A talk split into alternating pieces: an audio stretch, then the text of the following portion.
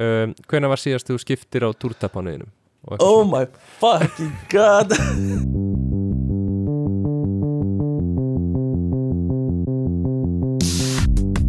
Halló er eitthvað að frétta? Já það er ekkert að frétta. Já það er ekkert að frétta. Ekkert að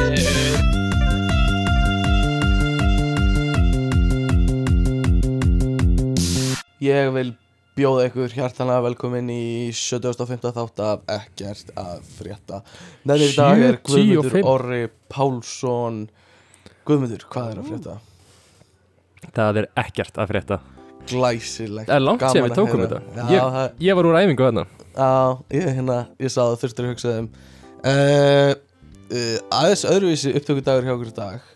Það er Já. actually fyrir Þú veist Átta á kvöldi Já, fyrir kvöldmat. Fyrir eftirmiðdeiskaffið uh, og setni, meiri sér fyrir setni hátdeismatin fyrir, fyrir seinni hátæðismati sem er náttúrulega bara, bara einhver brengluð pæling. Uh, og uh, ég held að þetta verði bara svona einfaldu þáttur í dag. Ég held að verði bara, konseptið er mjög einfalt uh, og, og hérna já, bara rá og ég held að við flækjum þetta ekkert. Uh, sko, við ætlum að tala um hérna þetta er, þetta er alveg svona þekkt þetta er alveg svona vinsælt dæmi. Þetta er alveg svona content sem, sem margir gera er að lesa svona Am I the Asshole sögur. Og ég hlusta á þátt hjá Býtu Býtu nú við. Ok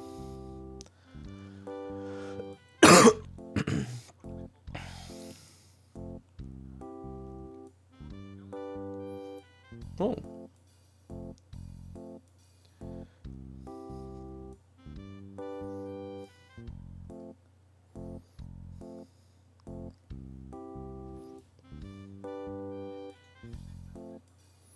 mm. Ok uh, Þá erum við samt deila með allt sko. Svo getið nota Craig til að fylla upp í að vantra eitthvað. Já. Þá bara halda áfram, segðu ykkur frá umræðinu uh, mm, Já Ég Ég hlusta á hérna uh, Já, elskan, stelpun að gera þetta sem var mjög Já. skemmtilegu þáttur hjá þeim.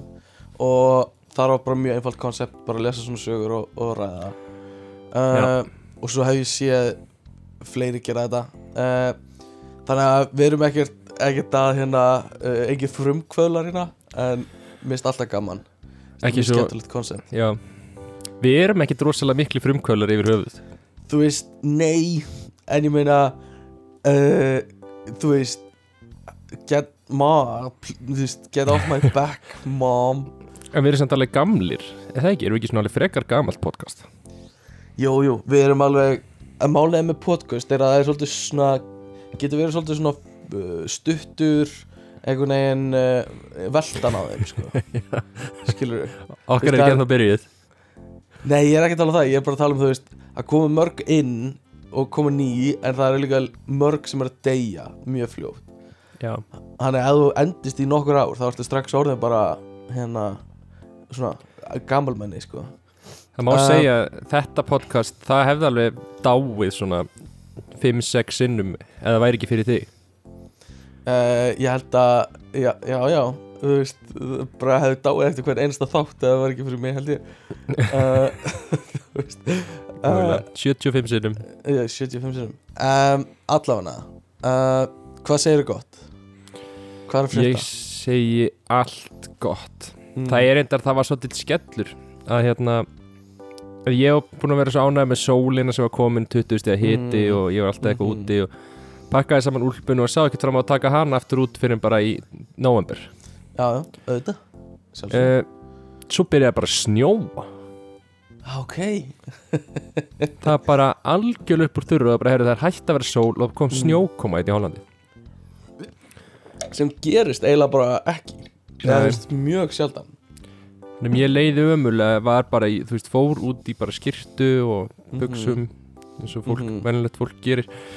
Og var síðan bara í einhverju slittu hjóli í vinnuna mm, var bara svona að renna til og þú veist, Já einmitt. þetta, já, já, þetta er búið batnaðist núna en þetta var alveg ömul upplifun En hollendingar díla ekkert vel við svona svona smá hálku og snjó Nei, veist hvað minnur bara detta Já, já, já, já Þeir fara bara, fara bara yfirleitt að gráta og hérna og bara öskra á Díla ekkert mjög vel við. Guð Nei, ég Já. meina bara ég man að einhvern tímann þegar við vorum eða á, í 2020 eða eitthvað. Já, þá þú veist var bara komið einhvern tímann smá snjór sem við á Íslandi myndum kalla bara venjulegu já og það var bara, þú veist, það var bara viðvörun í síman það var bara, pa, veist Já, já. fréttur um það að 50 manns hefði fest bílunum sín í innkjörslinni og, og svo eru öll þessi síki náttúrulega og maður er bara uh, það eru svona 40 manns að fara að keiru út í síki í dag eitthvað 100% svona. sko. Mm þannig að, að hérna, ég bara segja það að þau díla ekki rosa mikið vel við Nei, nei, allt lestakerfi, alltaf allt niðri Það kemur smá snjókoma. Já, ymmit það sem ég tók sérstaklega eftir var að það var alltaf einhver veður viðvörun í símanum hans. Eitthvað svona, já, eitthvað svona, r- eitthvað svona gul eða appisinu gul uh, sem mér finnst, ég held að við myndum ekki gefa þetta viðvörun fyrir á Íslandi. Við erum Ah. náttúrulega guldir orðið nýja normið á Íslandi. Eiginlega, sko, já, eiginlega. Ymmit En, en þeir samt er eins og Íslandingar Þeir eru alltaf að tala um veðrið. Já, Vist, það ógstlega skríti hérna Ok. úti. Mhm. Og þeir eru alltaf, þú veist Alltaf með þetta regninga app sitt sem Þeir eru bara eitthvað svona Að ég ætla að fara heim klukkan fjögur En ég held ég fara heim klukkan sex í dag þegar að regna Þú veist, mm, pælir í Einmitt. því á Íslandi Þú veist, skipulega tíman Að ég ætla ekki heim núna þegar að regna Ég ætla heim fyrir eitthvað eftir. Nei, eina sem að skipulegja sig með veðri á Íslandi er basically uh, þeir átt að fara í útilegu og eitthvað svona að þetta Já. er nú bara að reyna elda veðri og hérna, hvert að fara um helgina? Þetta er bara elda veðri og hérna og það er einu frasi. það er bara elda veðri og ég hérna bara kei bíla mín og bara, hérna, bara fara þessu veðri um, ég veit ekki af hverjum ég er að gera grín. Ég, Ég veit það ekki bara Þetta meikar alveg sens Ég er bara, ég er bara tannig svona og ég vinn í, í hérna flotti fyrirtæki og ég er sjálf, ég er lækni ég, ég er yfirlækni á landspítalunum að vinna sem Svo- mikið var að vinna Þú ert svona, svona bitri gauri sem eldir aldrei veðrið. Fyrir alltaf einhver Er alltaf einn í húsafelli og er ömulegt veður Og allir eru Mhm. komin einhvern norður. Ég var búinn að ákveða að fara í útilegu hér Það er ekki sjans að ég breyti Allir í Eh, kringu ég bara steppi getur við please farið bara í góða já. Nei, nei. Það er, það er bara hér. Uh, Sko. En ég, fór, ég, ég er ekki búinn sko. Það var ekki, bara ekki bara snjóaði hjá mér sko. Er það ekki líka- allt sem gerist? Nei, Ó, en líka byrjar að vera svona drastlmarkaður hérna, svona antikmarkaður hérna. Hvern Mhm. einasta lögadag mhm, Ég fóð til dæmis í morgun og rölti aðeins á antikmarkarum Ok Tengir við að langi svona gamalt drastl Já, já, bara ógæðslega mikið Ég, veit ekki, já. ég held að sé lyktin fyrir mig sko. ég, ég held að sé sko Þetta er svo mikið gæð Þú veist, allt var, hver einasta, einasti hlutur í gamla dag var svo mikið gæði mm, Þú veist, allar töskur, þú veist, utanum og eitthvað, þetta er allt bara leður og eitthvað ólar og þetta er allt svo Mhm. mikið quality Einmitt og, ég var þú næstu búin að kaupa mér já, Já. sorry segðu. Nei, ég ætlaði bara að segja að þú veist uh, svona gamalt dót er rosa mikið gæði eins og þú veist uh, svona borvél sem þú þarfst að nota hendunar á. Já, og, og ætlaði bara að byrja að tellja upp alla gamla hluti sem við já, hugsaðum já, og svona æfingatæki sem þú hérna notar til að móta líkamæðin já, og það er- hérna uh, svona sígarettu ba hérna bakkar. Er svona síkrettur þetta haldar, mér langar alltaf svolítið í svo leið mér langar í svona sígarettu dót sem getur svona opnað upp eða eitthvað og það eru svona þúsund sígarettu sem spretta upp já, og já, já, svona já, poppa upp. Uh, og mér langar svona að setja lift, mér langar að setja lift í það og hafa það í partíum þannig að ég svona dreg upp og svona poppar út lift í varnar og á, hann ekki, í varirnar öllum. Mhm, mhm. En vissir að í, veist, í, í fjármingaveislum og svona í gamla þetta, þá voru alltaf bara síkrettur á borðan já, já þú komst bara ekki í veislu nema að væri bara síkrettur bara mm -hmm, hverstu síkrettur ógæslega töff tímar. Og þetta líka, þetta var í kirkjunni þá, þú veist, í staðin fyrir að fá oblátu og blóð krist þá stakk hann prestur sígaret upp í því, sko. Já. Og, og kveikti svo næsti. þú veist, þetta var eitthvað átt að merkja eitthvað svona uh, eitthvað svona hérna, langir puttar guðs er sígarettan og, og hérna hinn heilagi andi er eldurinn sem kveikir í sígarettunni. Skilur var það sem Mm. var það sem þetta var alltaf alveg þang til 60 og eitthvað? Já, já, einmitt. En það sem að ég, mér langaði úkslega mikið að kaupa mér var svona alveg eldgamalt boccia set. Já, það Getur, sko, þetta leit út þessu Quidditch boltakassin já. Trékassi og þú opnaðar hann og það voru svona Nice. handgerðar kúlur mm, með it. svona, þú veist, svona náttúrulegum litum. Þetta var æðislegt sett, sko. Vá, það hljóma vel maður. Uh, og Júlía talaði mig úr því, vildi meina að ég hefði ekki þörf fyrir boccia set heima Nei, nei, nei. Uh, Hann alltaf, þú verður enga þörf fyrir það. Uh, Jú, uh, Nei. Til að spila boccia? Já, alveg rétt. Sp Hefur spilað boccia? ég, Já, í svona íþróttum. Þú voru að afsaka, ég er svolítið hás. Um leiði ég byrja að tala eitthvað að viti Og bara fer röddi mín Eftir þessi veikindi, sko. Já, en mér finnst það svolítið töff bara, sko. Aha, Já, Já, eftir að vera bara hásur og hásari. Já, fínn í uppæðu þáttarins. Núna Já. er ég bara allavega uh, Já, boccia. Uh, Ég spila boccia. Uh, Og þú veist, þetta er bara fín íþrótt. Þetta er basically kuppur Eða eitthvað svona. En Bara ógst kasta er næs ef þú ert að drekka og fara í boccia, sko. Aha, Já, er, er það svona hollenstótt eitthvað? Já, það svolítið, sko. Veistu Það er hvað er næs uh, ég, Maður sér þetta stundum á sumrin Að fara í hljómskál Nei, hérna á klambratúnið Og spila kupp eða eitthvað Og Já. drekka. Og það Já. eru stundum svona hópar þarna. Uh, Höfum við kannski rætt þetta? Mér finnst það svo hólsum hópar. Eitthvað, Já. að fara bara Ég gerði stað- þetta í, í, í fyrir dag Aha, Þá fór ég í kupp og, og drekka bjór. Vá. Svo fucking wholesome um, En mín spurning til þín er þú veist Lætur Júlíu bara stjórna það svona? Ó nei, ég tek mínar einu, eigin ákvarðanir. Akkur gaur, En- keiftu botcha setti á við Nei, já, hún stjórnar í soldið, sko. Mm. Eftir, að Því að hún hefur rétt fyrir sér, skilur Það er svo erfitt. Já, Erfitt er einhver stjórnar og Já. hefur rétt fyrir sér. Ég hata þess að kærist Það var rétt fyrir sér maður. Uh, Nei, það er alltaf þannig sko. Uh, Ég uh, Já En, en mér finnst að ég er að láta þetta eftir einhvern tímann. Nei, þetta er farið, sko. Það er bara alltaf eitthvað nýtt antík. Veistu hvað, mér finnst líka um svona antík. Mér finnst svo mikið svona potential í því til að vera eitthvað svona töfra hlutir. Eða eitthvað svona Já, vera eitthvað svona, e eitthvað svona leyndamál bak við þá. Eða eitthvað svona eiga sér rosa ríka sögu og, og kannski finnum maður eitthvað svona eitthvað svona fali leyndamál í öllu svona gömlum hlutum já eins og hefur spilað Skyrim eða? uh, nei, en ég veit að þú spilar hann ógæðslega mikið á tímbili En þá gastu svona sverði og þú náður ykkur steina og eitthvað svona rugl. Mm. Þú gastu hérna svona enchantað hlutina þína. Já, Gæti líka verið eitthvað svoleiðist, þú veist þessu boccia set, skilur já Eða eitthvað nordbúna, eitthvað, eitthvað kukli í því? Emmitt, svo er er ég bara ógislega góður með vínu setti Já, gaur, nett. Um, Já, sko mm, Það er ein svona antik búð í Hafnafyrði held ég. Og, uh, og svo er bara kólaportið Já, og hérna mér, þetta er sama svona væpstundu sem ég fæ í kólaportinu nema það er líka drasl eitthvað svona gítar hér og gítar frá Já. Playstation 2 og eitthvað svona sem er ekki antík.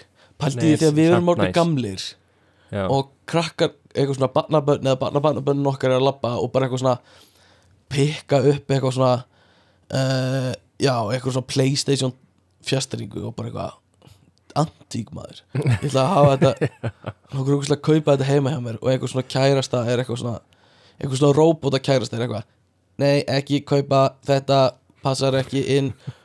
Og eitthvað, já, rétt fyrir þér. En Hvað heldur að verði svona antík? Ég meina, góð hvað er pot, hefur potensiali að vera antík hjá okkur? Liftdollur verða svona eins og eldgamla síkaretupakkar Já, núna uh, og hmm, einhver svona, jó ok, antík af hverju voru allar tölfur á sínu tíma gráar? Manstu eftir þessu tímabili? Þegar bara, það var ekkert svartar tölfur, það var kringu 2000 voru allar tölfur bara gráar eitthvað svona off-color white litur eitthvað hvað er þetta að tala með eins og Playstation 1? eða? Nei, jú, svona smá en meira svona svona og- gulgráar eitthvað, eitthvað. Gul grávar allan að allar tölur sem ég sá tímbili voru þannig uh, en, en já, ég veit ekki veit ekki hvað ég er að segja Þetta er talað bara svona bortölu bara svona eins og ykkur svona tölvu verið í skólanum og eitthvað Nei, ég ætla að stoppa hérna. Ég, Þetta er ógíslega lélögu punktur hjá mér og hérna, mér langar ekki að tala það meira. Ég, er, Ok, ég var að tala við Gumma á þann og ég var að segja hann það er ekki til eitt koffín hérna heima hjá mér. Og Já. Gummi sagði, þetta verður alltaf lagi. Og þetta verður bara ekki til lagi. Ég er bara mjög off í dag. Og bara, heili minn er bara ekki á fullur capacity hérna. Um, en allavega sko vinnustæðapartí, þau eru að fýra aftur upp í HR þú Já. að ég var nýbyrjar að vinna í HR það var bara kampaðin, bara flætti bara hverjum deg já. Þú ríki Já, borgarbrúsan Já, það er bara ef þú, ef þú ert edru í vinnunni þá bara, þú veist, þá ertu bara eitthvað skrítin skilur, mm. þá bara færði ekki að fara í hátismat Já, uh, og það hætti svolítið mikið í COVID en núna er það pick up aftur. Og ég fór í svona, ég fór í svona morgunmat já, hjá starfsmunum uh, uh, og uh, uh, og það var bara svona fullt, bara eitthvað hlaðborða eitthvað svona bakarismat uh, þau voru búin að panta eitthvað svona kaffi frá einhverju kaffihúsi til að koma og hella upp á kaffi fyrir alla. Uh, og svo ge gerðu þau eitthvað sem uh, vinnustæði gera víst á oft er að fá eitthvað svona skemmt eitthvað svona leinigjast ok. Og, uh, og allir bara eitthvað, hm, hver ætli það sé? Og það er eitthvað svona uppistandari.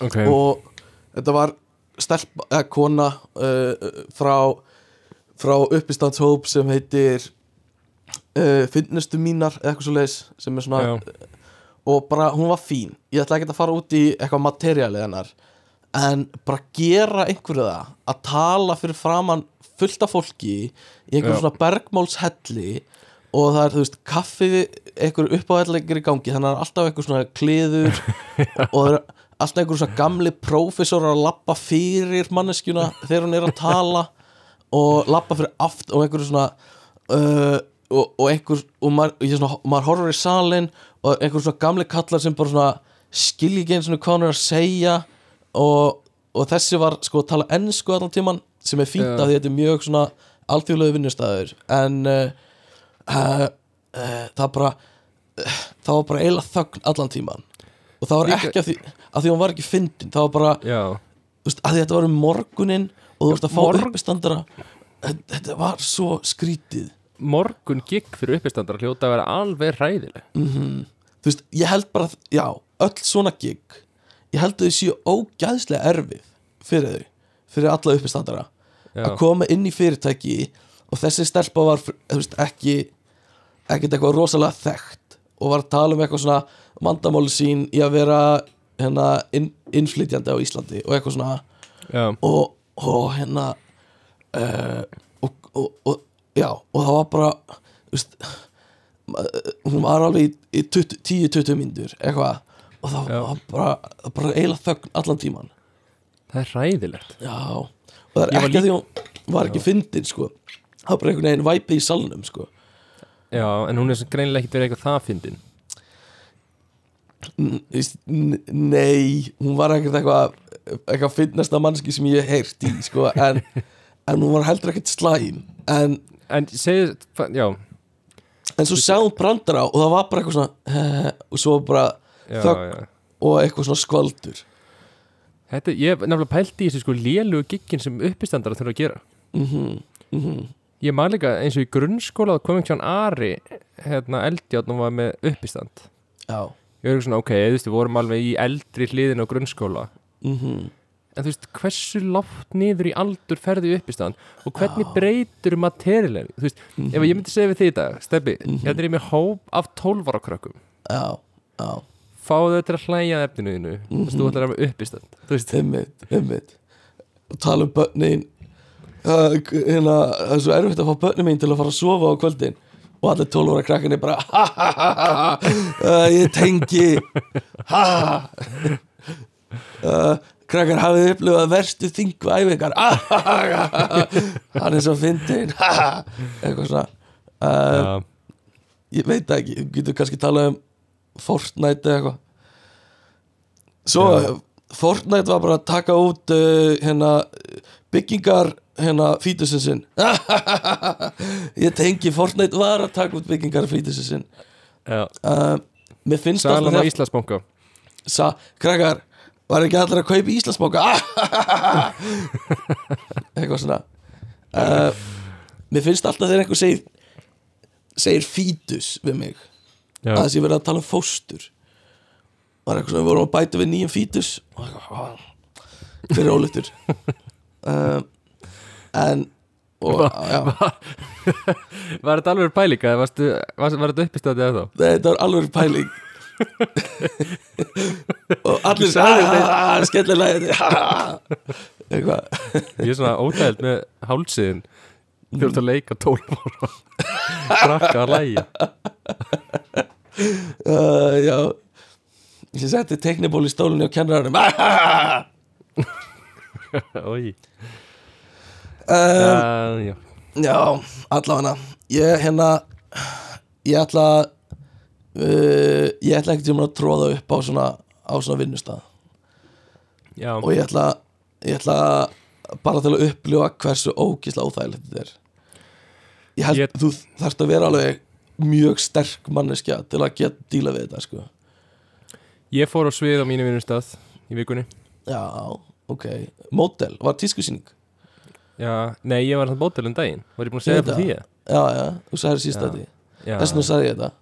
Nei, nei, ég var reynda bara að tala um data science en, ah, Hversu töff. Og allir bara ah, Pandas. Ah, Eitthvað svo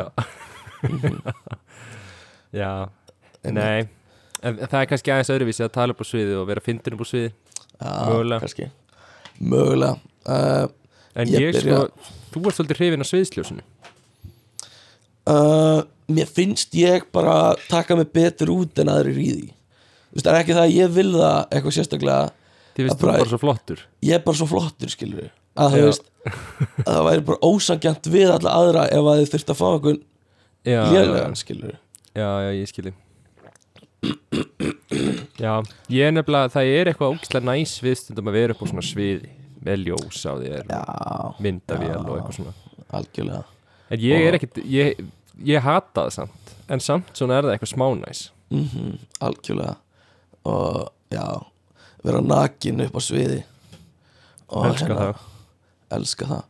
Ímynd, ímyndaðar er alltaf að sérst allir séu naktir í salnum.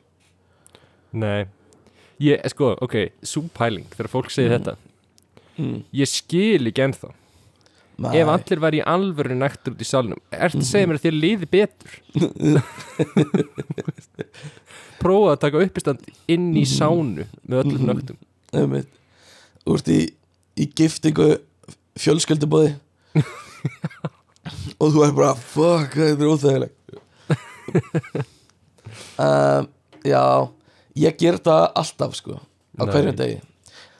Nei, það sem ég ger er ok, tökum þetta um, hva, ok, í bara gefnu herbyggi af bara hundrað fólki bara svona, bara svona random Já. þverskurður á samfélaginu uh, af hundra manns uh, hversu marga heldur þú gæti lamið í, af þeir þú Er það sem þú hugsar? nei býti, leið mér að klára hversu marga heldur þú gætir unnið í slag Uh, sko, mm. Hérna úti myndi ég segja svona góð 95% 95% af fólki myndir þú vinna í slag á bara af einhverju random Það Já. hefur engin þingdina hérna eins og ég Stöðuleika Nei, og stöðuleika lágan þingdarbúnd eins og þú Mjög þingdarpunkt Einmitt. þú bara, já, þú já, beigir svona skvattar aðeins niður og er bara komin í mjög lága þyngdumút stöðu sko. skiptir öllu máli í slagsmálum sko. um, já, en þetta er það sem ég geri í hvert skipti sem ég hitti fólk. Fyrsta er bara, Er það? myndi ég vinna þennan í slag? Já, þá er ég bara hærri status en þú. Já. Þannig fyrir þig uppistandi í grunnskóla er bara piece of cake.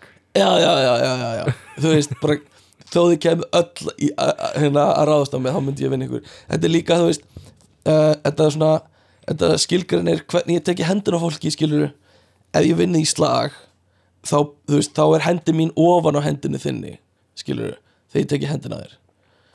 Já, nei, hvað mér Hvernig tekur í hendina fólki? þú Ofan? veist, ég, ég rétt hann út svona það sem flatur, ló, þú veist, lóið minn vísar niður og sem þvingar viðkomandi til þess að setja sína hönd svona, svona eins og Ólöfi Twist að byggja meiri mat, skilur og ég tek það ofan á hendur.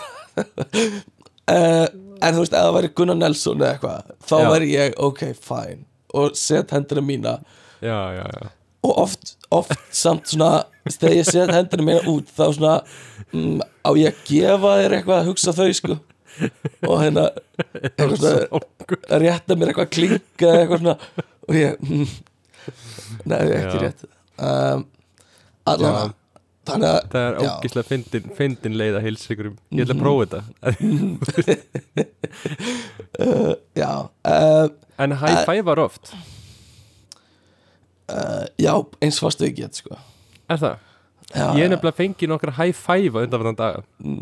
Já, Ég fæ smá svona, veist High five er svona þá Fyrir mér á það bara heim í íþróttum já, já, já, já, já. Nei, nei, nei, ég ger þetta allt. Þetta er líka power move, þetta er svona svipað Þú veist, ég high five eins fast og ég get og ég, þegar ég klessa hann líka þá sko kýli ég eins fast og ég get í núan og næsta manni.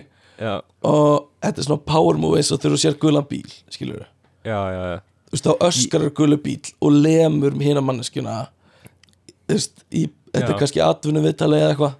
Já, já, algjörlega og það er Ég- strætó að kera framhjá og þú bara gulur fucking bíl og lemur. Já, ég líka vinn alltaf með high five og ég byrja ógislega hátt uppi með hendina af því að ég er Já, hávaksnari því þú er hávaksnar Svo býði eftir að þeir reyni alveg full stretch. Svo náður ekki Þá kem ég svona niður á þeirra lögur einmitt, einmitt. Þetta eru, þetta eru svona grjóta hörðu power move sem, sem búin að garantera þér hærri status í samskiptum. Já, um, Já, við áttum ekkert svona þátt þar sem við, sem við rættum svona hluti. Já, já, já. Það var hérna uh, það var svona, já, alfa, beta, sigma þáttur hérna Nei, var það Eh, í honum? Já, já. Um, Það var bara fýtt þáttur sko. Það var ekkert slæmu þáttur, ég skil ekki. Það fekk alveg rosalega gaggrinni Já, en talandi um svona hegðun Ert þú Ert, ert þú hálfviti einhvern tímann? Þú veist, í hvað aðstæðum Ert þú bara uh, Þú veist Já, ertu bara Ég ætla, þú veist Ég ætla bara að vera hálfviti. Við að tala um svona eins og asshole? Já, já, já, já. Þú veist, Skilurðu? ekki svona, ó, ég veit ekki neitt Heldur svona, ég leið, þú veist. Já, ekki ekki Já, já, já, ekki séð, meira, svona hegða þér illa. Þú veist, Nei, eiginlega, mér líður eins og ég sé of lítill fáið stundum, sko. Já, ég skil ekki Mér líður eins og ég, þú veist, það er miklu freka að vera að fara að valda yfir mig heldur en ég að valda yfir eitthvað annan, sko. Já, einmitt, einmitt. Uh, En eitthvað svona uh, Ok, einfalt dæmi væri bara að þú farð vittlusa vittlusa matveitingastæð Nei, eða, bara neitt í- lélega þjónustu. Að Við höfum einu svona upplifað að fá mjög lélega þjónustu á veitingastæð Já, ég, ég, ég, já, ég sé ennþá eftir. Já, en félagi okkar var, þú veist svo sem var að a- afgreiða okkur koma eitthvað svona, hvernig er maturinn, hvernig smakast og hann bara, þetta er eins og skítur á bragðið sagði hann bara, basically. Og hérna al, það er alveg svona smá asshole move skilur Já, það var S-Holmú, sko, líka, sérstaklega því það er ekki eins og, sko, það vantaði algjört svona open mindset í okkur á þessu tímabúti. Mhm, Já, já. Ekki bara voru við að skýta yfir matinn, Mhm. heldur voru við að skýta yfir einna þjóðaréttum þjóðarinnar já, sem við höfum já. aldrei smakkað áður. mhm, mhm. Ef þú kemur til Ísland og þú gefur um hákall og hann er eitthvað þetta bræðast þessu þú veist, einmitt. Einmitt. Þú veist, no shit, það er pointið Já, Skilur. algjörlega. Þannig að En okkur leiði líka alveg illa eftir það sko. Við vorum alveg okkur leiði Við mjög misýtla Já, reyndar. Og við borguðum ekki fullt verð. Uh, það, það var alveg svona Alveg svona skrítið moment. Já, það var Eh, alveg ömuleg sko. Þú veist, við erum í landi, við erum miklu meira efni á að borga fyrir mat sem okkur finnst ekki Mhm. góður heldur en greið fólki þarna Einmitt, einmitt Svo erum við bara fáiðar og löpum út og borgum Mhm. ekki fyrir allt og fengum Já. ekki allan matinn að því við fórum í miðjum matseli Já, einmitt, reyndar en Um, þetta, Já en, en í svona aðstæðum Það sem einhver er Svolítið upp á þrengjandi við þig Og hérna, hérna Er, þú veist, er ekki að taka hindi Og þú veist Er kannski ekki að fara Eða er að reyna að selja þér eitthvað Eða, eða er bara svona að reyna að, veist, tala of mikið við þig Og þú ert bara ekki Ekki að fíla já, eða þú veist, ég, Segir eitthvað sem hún bara, heyrðu Nennir ekki að gera Eða þú veist, tala við mig. Eða eitthvað svona. Já, þú veist, já, auðvitað. Mm. í þessum Mm. aðstæð Mhm. ég segist ekki mannesku sem er sko, það fer eftir hverju tilgangur manneskjunar mm. ef manneski kemur upp að mér og er að reyna að selja mér hluti mm og ég komin nóa þá einhvern tíma út að segja þú veist, herru, ég er ekki að fara að kaupa þetta þú veist, lefti að selja mér þetta. Já. Að ég veit að þá, þú ert að reyna að selja mér. Mhm. en ef einhver manneskja væri að reyna að kynnast mér og vera betri vinum en mér finnst manneskjan bara leiðileg Já, þá var ég aldrei eitthvað herðu, nei, Nei, þú ert of leiðileg manneski fyrir mig. Já, einmitt. Must be this high to high five me Og svo bara hendinu allalegðu allaleg uh, uh, Já, En ég skilji um, Þú veist, ég veit ekki. Uh, ég, ég alveg svona Þú veist, ég held ég sé meira típan sem Þú veist, setur bara á sig hirnatól Og er, þó ég sé ekki að hlusta á neitt Skilur við Og bara já, já. og þú veist, segir kannski ekkert við hinn, hinn að manneskinu eitthvað eða, uh, eða eitthvað svona meira bara svona þögn og nenni ekki að tala við þig eitthvað, skilur já, já. sem satt er ekki- líka alveg asshól já, já, já, já, algjörlega. En þú veist ef að hinn manneskjan getur tekið hindi þá er það bara veist, þessi er greinilega ekki stuði til að spjalla eða eitthvað. Um, en svo er fólk kannski að að hjálpa kannski tekur það hindinu sem að þessi manneski er eitthvað dán. Já, einmitt. Ég ætla ekki að taka í persónu, ég ætla að spjalla meira við hana. Einmitt, einmitt. Uh, En hefur mannst eftir einhverju þar að svo upplifir að einhver annar væri hálfviti í kringu þig annarkvort við þig eða einhvern annan? Þú veist, félagi okkar er oft uh, alveg svona smá teilistislaus þegar hann drekkur og einhvern tímann einhvern tímann var hann bara næstu farin í slag. Uh, þú veist, ok, það er eitt. Fullt af fólki er bara fyrir í bæ að leita sér slag þegar það er fullt, skilur við já, það er alveg mesta hálfvita move í heimi Já. sko. Já. Og, og bara, bara gaggjart til þess að pika þær. Ég reyndar, ef að ég komin svolítið vel í glas þá verð ég aðeins svona það, það breytist aðeins mér, ég er svona Ah, ok. Ég skal koma með dæmi, þetta er svona mm, ef ég er á bar og ég er alveg vel í glasi já. og þá ætlar einhver gaur svona, er að vera hálfviti við mig. Mm hvort það er kannski íta mitt í hliðar er eitthvað að tróða sér eitthvað Mm. framfyrir eitthvað svona, mm, þá fæ ég miklu meiri svona þörf fyrir það að láta það ekki gerast mm -hmm, einmitt, einmitt. Ég verð miklu meira svona confrontational þegar ég er í glasi. Já, já, að því leiti sko. einmitt, ég skil þig þannig að já, ég er ekki Já. mjög stoltur af því en það er samt aldrei svona, ég er aldrei, ég er aldrei að augra neinum að fyrra bræði en bara svona ef ykkur, ef ykkur stælaði mig þá er ég meira líklegur í glasi til þess að vera með stæla Mm. tilbaka sko. einmitt. Sko ég myndi aldrei gera það. Uh, en það sem ég geri er að uh, ég fer að skora fólki í sko sjómann. Og hérna og það er langt mest til bara svona að lækka rostan og sjálfströst þeirra og bara svona sína já, þeim já. sína þeim hvað hérna bara hversu litlir skítar þeir eru sko. Uh, þannig að það er, ok, ég seti upp dæmi fyrir því. Já. Það er eitthvað svona sem er freka fullur sjálfur. Mhm, þú stendur í barinn og hann Mhm. gefur eitthvað svona gaur, drullaði frá barnum og svona ítið til hliðar og eitthvað svona. Já, kemur þú bara, lefðu mér að skora á því í sjóm Já, ég set aðra höndina mína á öxlina hans og svona, alveg svona gríp svona þéttingsfast og segi við hann við skulum bara leysa þetta eins og herramenn, segi ég og svo svona dreg ég hann út á mitt gólfið ég Já, og tek svona borð, svona borð með mér og svo segi ég við hann nú bara leysum við þetta eins og herramenn og hérna gríp í hendina á hann þéttingsfast og bara ert þú reyðubúin, segi ég.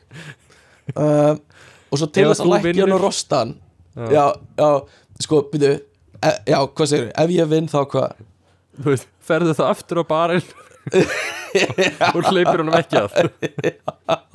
Já, eða þú veist, yfirleitt áttar, áttar fólk sjá því hvað hérna hvað er miklu fáiðar þegar það tapir sjómann. Það er eitthvað við það að tapi sjómann skilur já. og það sem ég gerir líka til að nutta salt í sárin er að ég held svona í hendina á þeim og segi, ok, eitt, tvör og byrja. Og svo byrja hann að rempast Já. og ég segi, ég segi ertu byrjaður? Og hann bara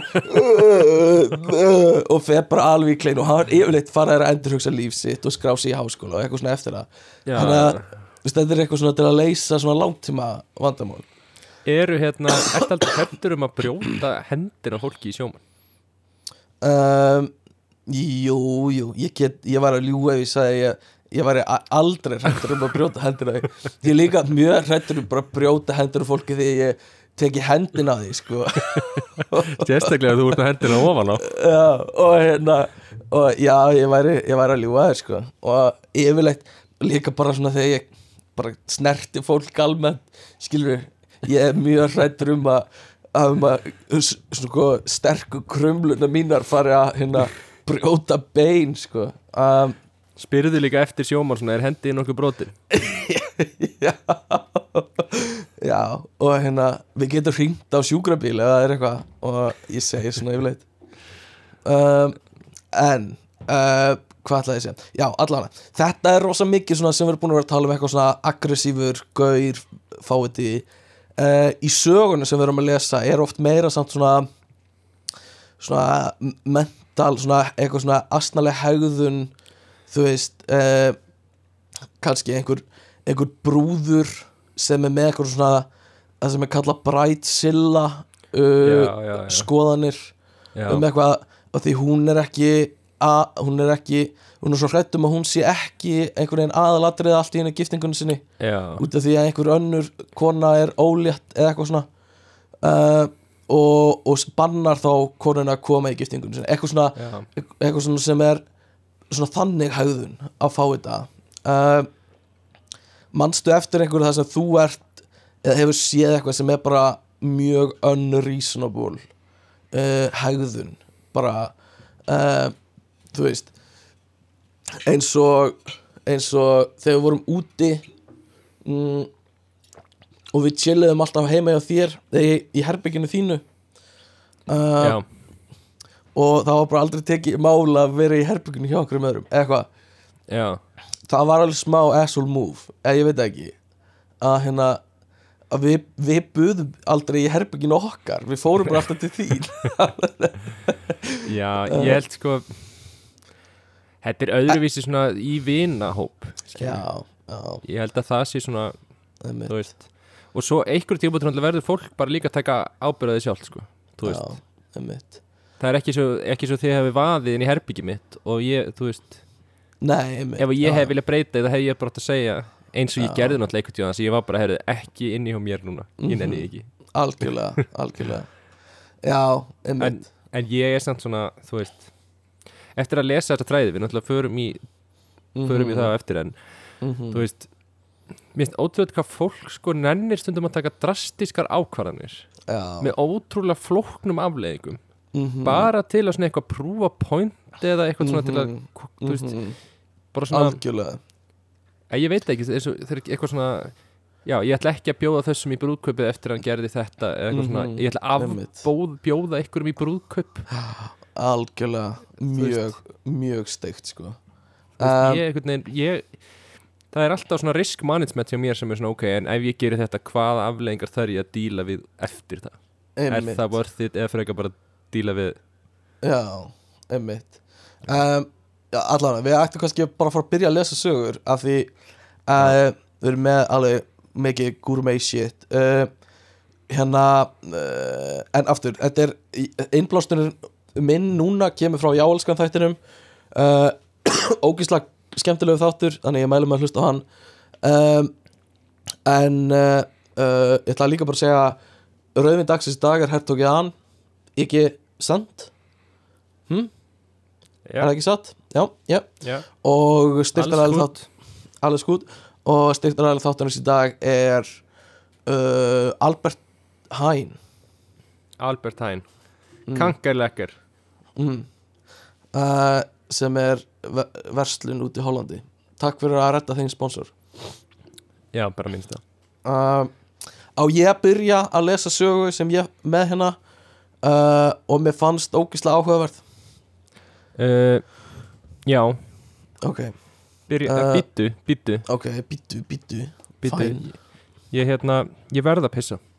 Am I the asshole for not waiting for my friend to pee in a podcast while reading a Am I the asshole story? Yes. Ok, skipum tvö, tvær sekundar fram tíman And we are back. Glæsilegt. Komum með nýjan hertoga Helliglasi Og á ég ekki bara hefja lestur? Jú. Ég var, Ok. já. Jú, Uh, gerum það. uh, Ok. Uh, Þetta er semst kona sem skrifar. Ok. I am not asking for opinion on bride prices. I am asking if I was wrong in what I did. Og bride prices er held ég það sem hún er að tala um er Þegar hérna mm, ei, Þegar fólk giftir sig og eiginmennir borga sem sagt foraldrum brúðarinnar pening. Sagt, eins og brúðkaup að kaupa brúður. Er sannlega dreigið eitthvað að því. Allan þetta er svona. Ok, my, my fiance 32 male uh, is white European man. Okay I 31 year old female am a black African woman. We have been dating for seven years. I came to this country to study and have lived and worked here since ever since started ever since we started dating he took such an interest in my culture asked me to teach him my language, culture, and we've even been on uh, been to visit a few times. He asked me to marry him last year, and I accepted. Um, we are were vorum við kannski að gera, erum við hægt að gera we are planning our wedding I mentioned we need uh, to account for my family back home we could have the traditional wedding in my home country uh, and the white wedding in his. Since we don't want to ask anyone to fly uh, and get visas, etc. The issue came when I mentioned a bride price needed to be paid, something he scoffed at. Some, eitthvað svona. Uh, to call it bride price is misleading because there is so much more to it than the money that changes hands. It's our time honored tradition that blends two families into one, and it's always something I wanted to do when I got married. Uh, þannig að hún er að segja að hérna uh, hann á að pay up Yeah. Uh, I mentioned he uh, knew of marriage customs uh, in my country and that they included bride prices. We both work in law, human rights type of fields, so he assumed I would be against bride prices. I told him I'm against it being forced and money making thing, but I'm asking that he does it because I love, I, I choose it and I want to honor my parents and culture he refused, saying uh, it was uh, backwards and extor- ext- uh, extortion- and extortionate, uh, and it would be like he bought me. I assured him that wasn't the case. My parents would uh, sell me. Uh, yeah, my parents would change the uh, tokenistic symbolic amount to a symbolic amount þannig að þetta væri, snýst ekki um peninga Ok, okay. upphæðin er ekki það mikil. Uh, nothing crazy just to symbolize us getting together.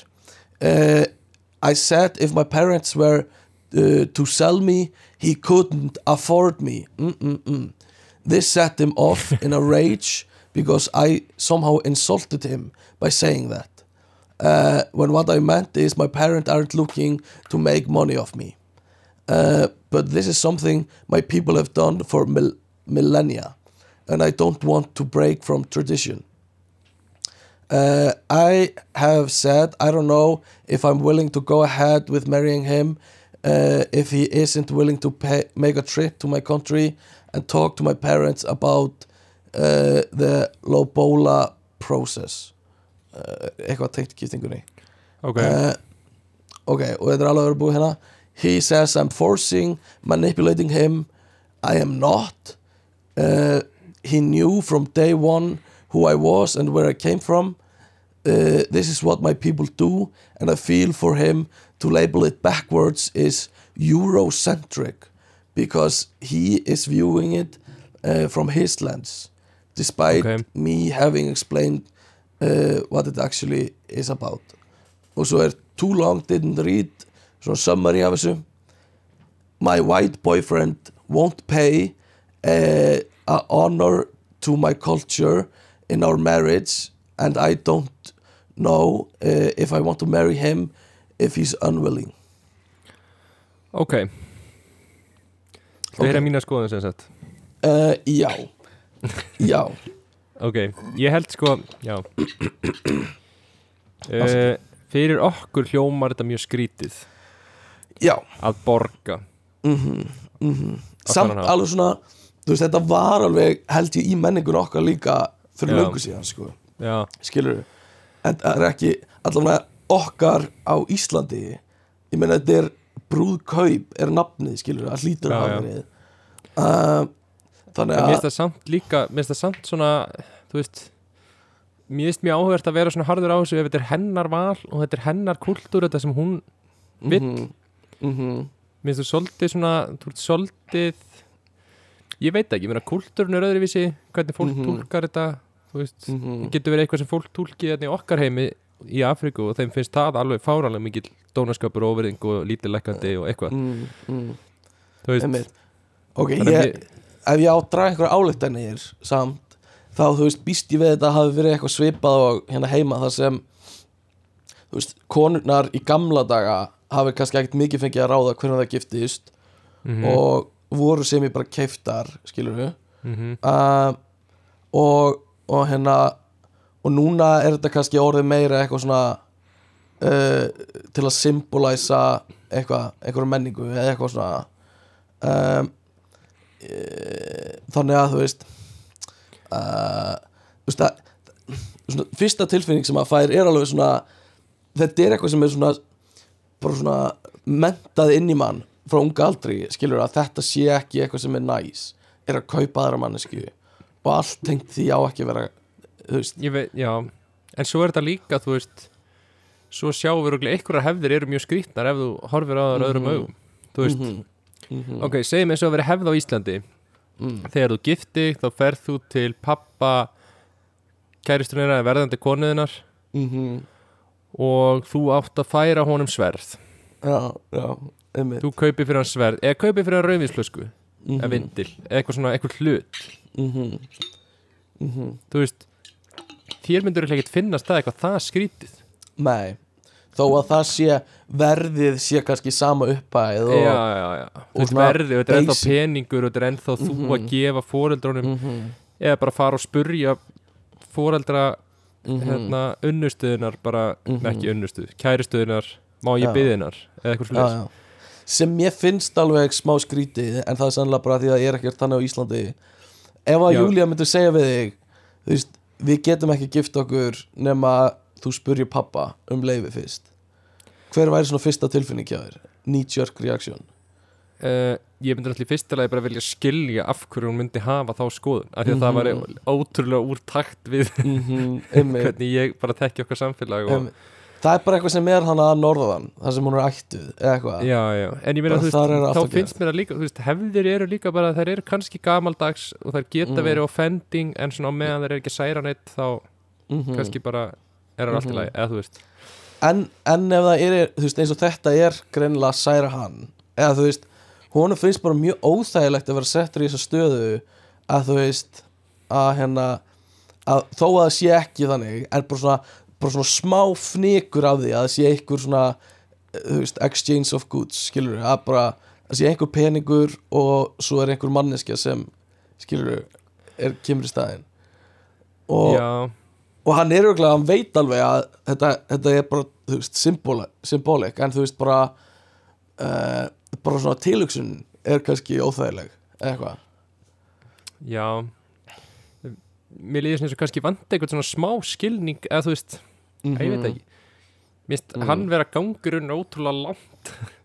Mm, að þú veist, vera ekki eitthvað svona, já, mér finnst þetta skrítið en þetta er Einmitt. hefð og ég er að accepta ykkar culture og eitthvað svona, þú veist, þú veist einhvern tímann verður að gera eitthvað að mála mér hann líka. Mm sko, en mér finnst hún mér- samt líka skrítin. Hún skrítir að vera eitthvað ég veit ekki hvort ég geti gifst honum. Mm einmitt. það mjög skrítið teik að vera eitthvað og getur Mm. ekki droppað hefðinni þú veist, er Já, það ákvörðun á ætlar að giftast þessu vilt Einmitt. giftast eða ekki?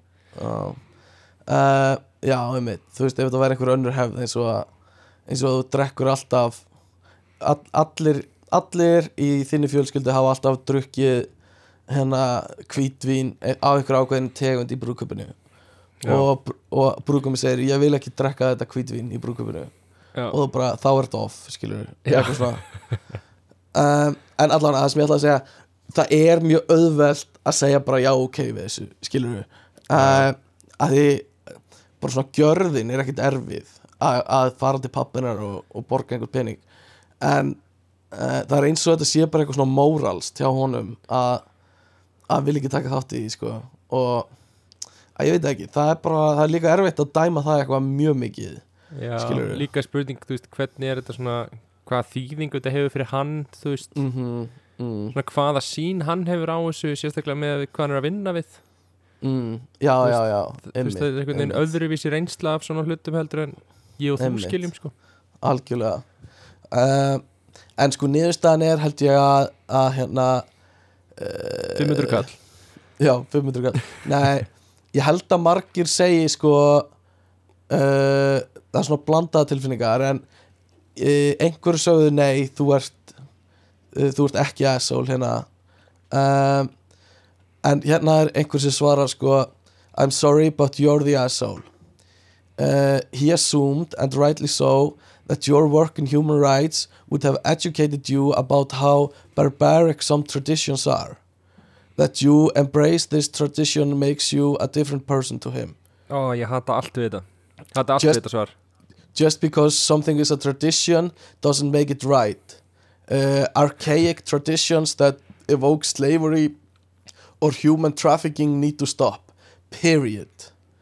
Um, Ég hata bara setninguna He assumed that you were educated enough to Já. understand Þetta er svona eitthvað Bældi ég að þú myndir segja þetta í rifrildi Þú. Kristina rífast og eitthvað Kristina, veistu, ég held að þú væri nóg að Já. mentu til að átta því að minn punktur er rétti punkturinn algjörlega, algjörlega.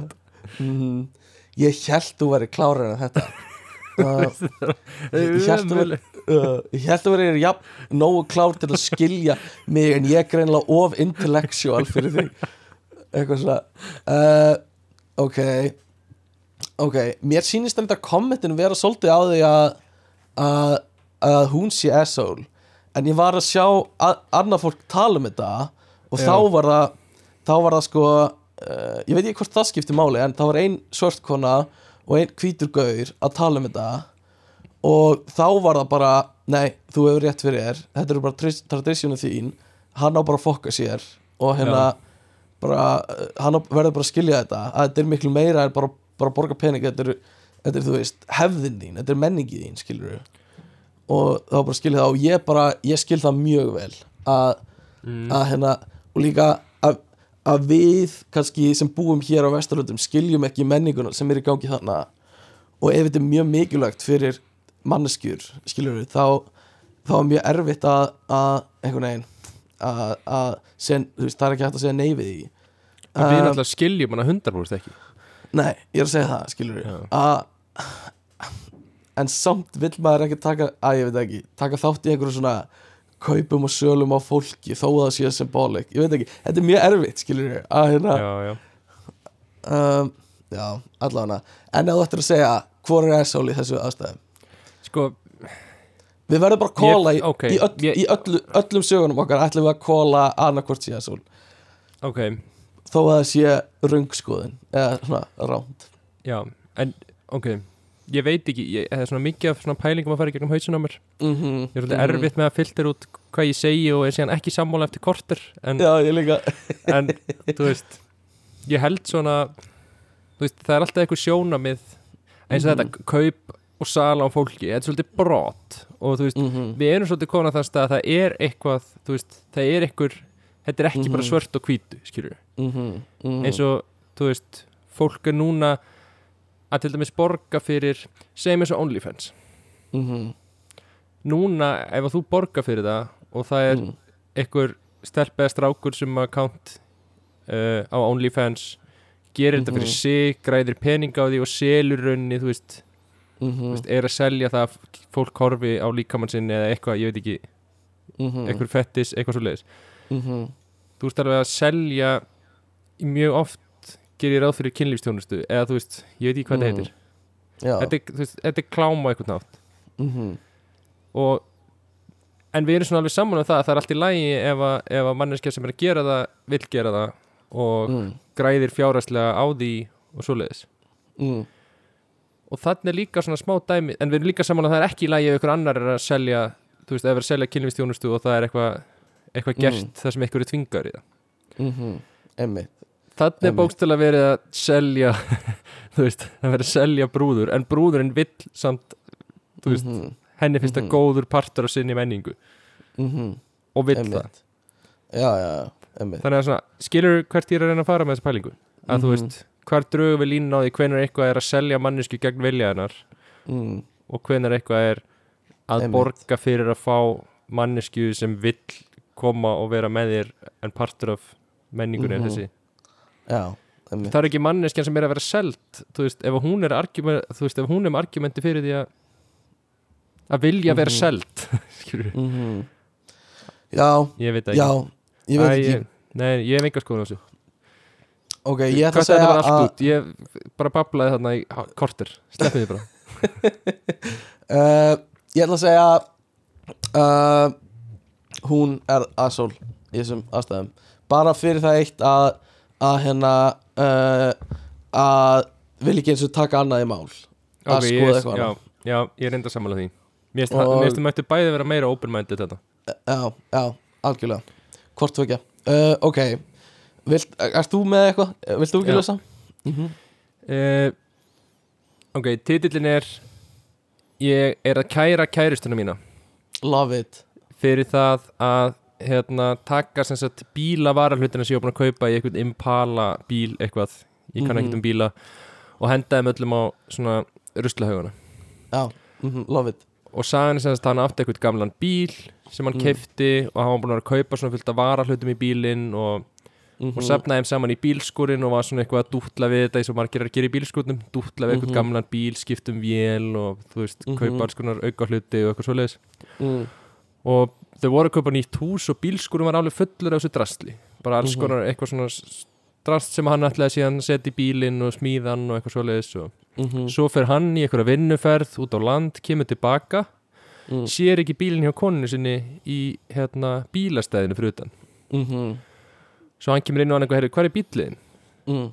og já, og eins og hann segir sögun eitthvað svona, já, ég sagði hann hvað er bílinn minn, af því að ég ætlaði að slá grasi þar sem hún vildi leggja bílnum sínum eða eitthvað svona, Mm. Ok, ok alltaf svona smá einhlega Já, já. það er, eitthvað- það er nefnilega alltaf í svona sögum Mér finnst já, eins og séu rosalega Þú veist, maður fær bara eina hlið Og Já. mér finnst að vanta oft aðeins meira svona frá hinni það, já, og það er eitthvað svona gott þú veist, það kemur alltaf Mhm. svona útskýring að því af hverju, þú veist, þú ert Mhm. næs þú ert að byggja upp Mhm. svona Mhm. storyline þess að þú ert næs mm. og hann kemur inn og hann eitthvað, hvað er bíllinn um, ég ætlaði að gera þetta fyrir þig að því ég er svo Mhm. góður um, Mhm. og hún eitthvað, heyrðu hann er inn í bílskur og hann eitthvað, býtu hvernig hvernig er hann inn í bílskur uh, Mm.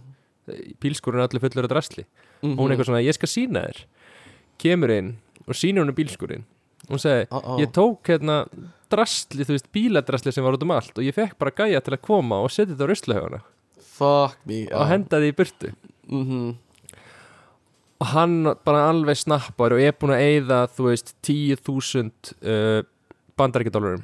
Já, Sem er eitthvað. 1,5 miljón í einhverja varahluti í bíl sem hann er að byggja upp. Einmitt. Og ég er búin að sem sagt, hún sagðist bara þeir kom bara sóttu það og henduðu síðan í svona, svona, svona scrapyard. Mm, Nice. Mm og hann sem sagt brjálast alveg og hann segir við hana uh, ég er að fara með því take it to court veist, ég er að fara með því fyrir rétt. Oh my god. Og þú ert að fara þú ert að Já. borga fyrir þetta. Oh my god. Og viðbrun hennar, og hann er að skrifa þetta voru bara Já. eitthvað hlær fyrst og heldur hann sé að grínast. Einmitt en svo er hann ekkert að grínast. Og hann Mhm. fer eftir þetta og tala við lögfræðing. Guð mig góður. Já, og býr bara í- til alveg málum. Þú veist, öryggismyndavilar úr húsinu þeirra það sem Já. sýnir hann að vera að beina þeim að öllu draslinu og sem þeir eru að taka í burtu og eitthvað svona oh my god. Já.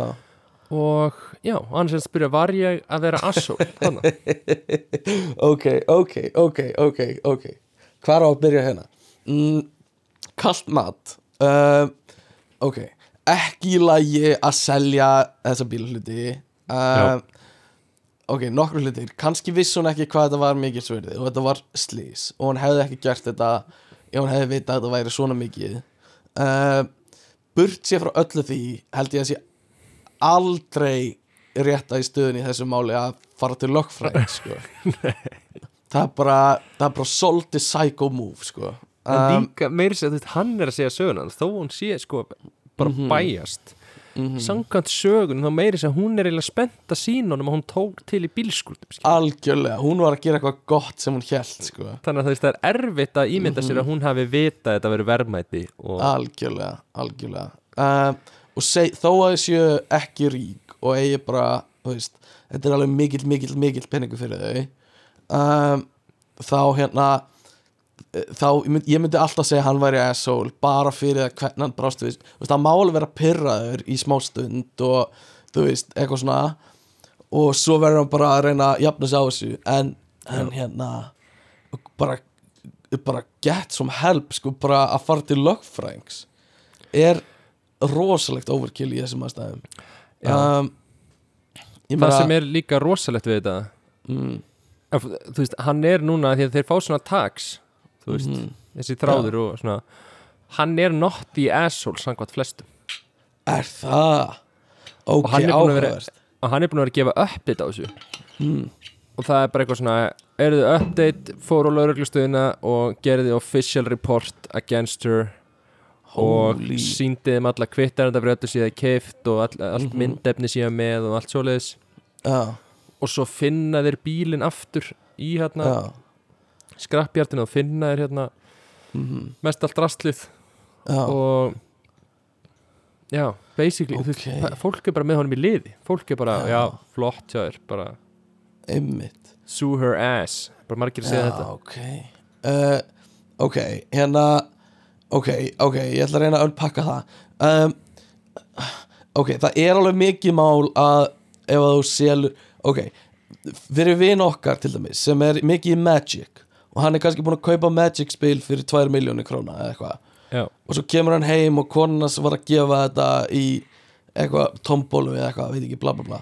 Og hérna uh, ég bara sé samt ekki í neinum af þessu kringustæðum að rétta lausna sér lögfræðingur sérstaklega svona snemma eftir að, þú veist, á þess að hafa rætt að einhverju viti við manneskjuna eða neitt svo leis uh, minnst það, já, ég veit ekki, minnst það magnað sko. Uh, líka og, bara þetta er dót skilur þetta er, Mm. þú veist, þetta er ekki just að hafa verið 20 miljón krónur sem að hann misti eða eitthvað skilur já, já, að ég meina þetta, þetta, þetta, er dót og ef þú ert búin að eyða svona miklum peningi að kaupa ykkur varahluti í eitthvað gamlan bíl sem þú ert að gera upp já, skilur, einmitt.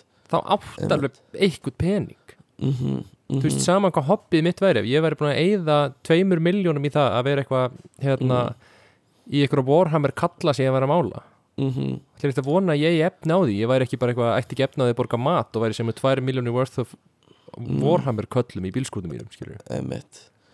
Og þú veist, ok kannski væri réttara í stöðinni bara hætta með henni eða eitthvað svo leiðis veist, ég myndi allavega skilja það að einhverju leiti sko, eða þú veist uh, bara að segja þú veist bara þú fóst langt yfir það sem ég mín mörk í þessu skilur þó þú vissir ekki eitthvað, ég veit ekki uh, mér finnst bara svo skrítið að blanda lögfræðingi í þetta. En kannski er það einhver önnur menning sem er meiri í bandaríkjunum eða eitthvað. Uh. En hann líka, að, hann var búin að eyða ári í þetta sko. Þetta er ekki svona Já. lífsafni hans. Hann var búin að eyða ári í að kaupa þessa varahluti og eitthvað. Já, einmitt. Mm. Ok, ok, Ok, ok þitt mat, loka niðurstæða uh, Hann er asshole.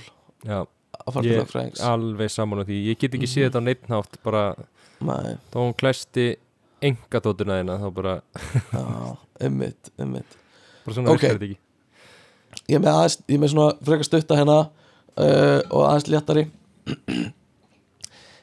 Ok, þetta er svona. Am I the asshole for serving my daughter wet ass pizza?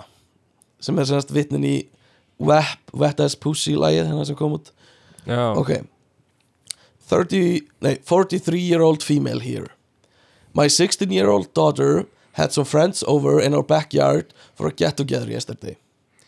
I asked them if they wanted food and they said sure but honestly didn't seem like they were even having fun. Það var bara svona frekar róli stemning og eitthvað Ok. svona I pride myself in being a fun mom. Alltaf gott uh, úf, þetta endar illa uh, maybe not a cool mom but fun. Alltaf góð blanda. Mhm. uh, so I ordered pizza for them. Uh, to make them laugh I played that song Wet As Pussy from my phone and sang along to it holding the pizza singing Wet As Pizza. Ok, ógislega skrítið. Um, I honestly thought it was hilarious then I put the pizza down and began booty shaking a little. Og svo hann var að tvörka fyrir vinkonu dóttur sinnar fyrir fram að dóttur hennar. Uh, no boys were there. Þannig að bara vinkonuna eitthvað. bara þú tækir að fram gerir þetta, þú veist Mhm. þú áttar þig ekki á hvað er óveðandi. Just three girls. Uh, my daughter shrieked. Hún öskraði svona upp yfir sig. As if she'd been stabbed and said that uh, that it was humiliating. Uh, and I said I said that sounds like dry pizza energy. Ó, guð dry, dry pizza energy er bara finnast að setning sem ég hef uh, as a joke. Uh, and her friends snickered a bit so I know the joke landed. Uppi standar hérna. Uh, well it's been a day and she won't leave her room or speak to me. Am I really in the wrong? Hann að að hérna Ok, uh, ok, Ok. fyrsta lagi. Alveg smá legend. Uh, wet ass pizza og svo segir hún wet, sounds like wet nei, sounds like dry pizza energy. Það er alveg fyndið sko. Ok, já, það er rétt.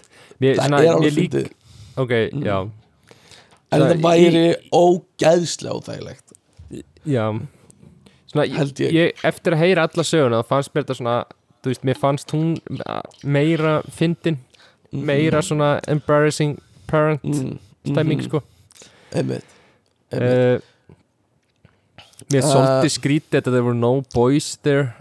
Mhm, ég er mhm, svona, ég, er svona af hverju varst að taka það fram eða þú veist, mm, einmitt, einmitt. Þú veist Sko, hva, hvað því, já. Þú veist æ, ég veit það ekki, það trublaði mig smá að segja there were no, no boys there þú veist, mm, veist, mm. varst var- að haga já. er mjög kynferðislega eða þú veist. Hún var alveg smá að tvorka en kannski, þú veist, var hún að meina ég var ekki að, að þú veist uh, kannski er eitthvað svona extra level af embarrassment ef það eru hitt kynnið og, já, hún hefur verið frekar að meina já, ok, ok.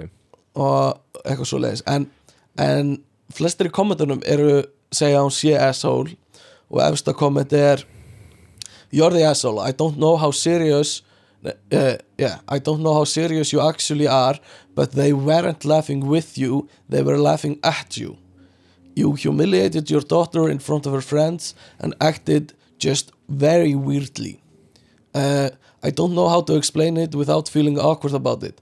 Like boundaries, you know? You have great intentions, don't get me wrong, but I uh, shouldn't have to tell you that booty shaking in front of your daughter and her friends isn't funny. You're just trying too hard. So, uh, yes. já, en mjög do góð that punktur ok um, uh, point taken ég ætla samt að segja að hún hafi ekki verið asshole um, uh, að því mér finnst þetta hilarious en kanns, ég get alveg séð að þetta er þetta, er, já, þetta getur verið mjög vandræðalegt En já Ég veit það ekki Þú mm. veist samt eh, Ég veit ekki, ef að badnið bregst svona við Þú veist, þú hlýtur að skilja sem foreldri Þú veist, hvenar Þú veist, tilfinningarnir er eitthvað svona mm. Eitthvað svona, ó, þú ert að vera hallarisluður Og ó, hvort vandræðilegur Mhm. Eitthvað svona Mhm. Og hvenar, Mhm. þú veist, badnið er bara eitthvað Líður í alvörinu ömulega með þetta já, einmitt, Og þú veist, einmitt þetta er ekki eitthvað Algjörlega. ég er úlingur og mér finnst það vandræðilegt Og hvað mamma mín er vandræðileg mm. Greinilega bara svona, fannst þetta alveg ömulegt Skilur Mm -hmm. Þá verður þú að bera ábyrgð sem fullorði manneski Já, uh, það er alveg gott point sko. Þannig að uh, þú ert á því að hún sé ekki asshole Nei, á því að hún sé asshole og ég er á því að hún sé ekki asshole. Já, alveg asshole, samt alveg fyndið. Ok, ok, það. Um, Varst þú með annað eða á ég að taka uh.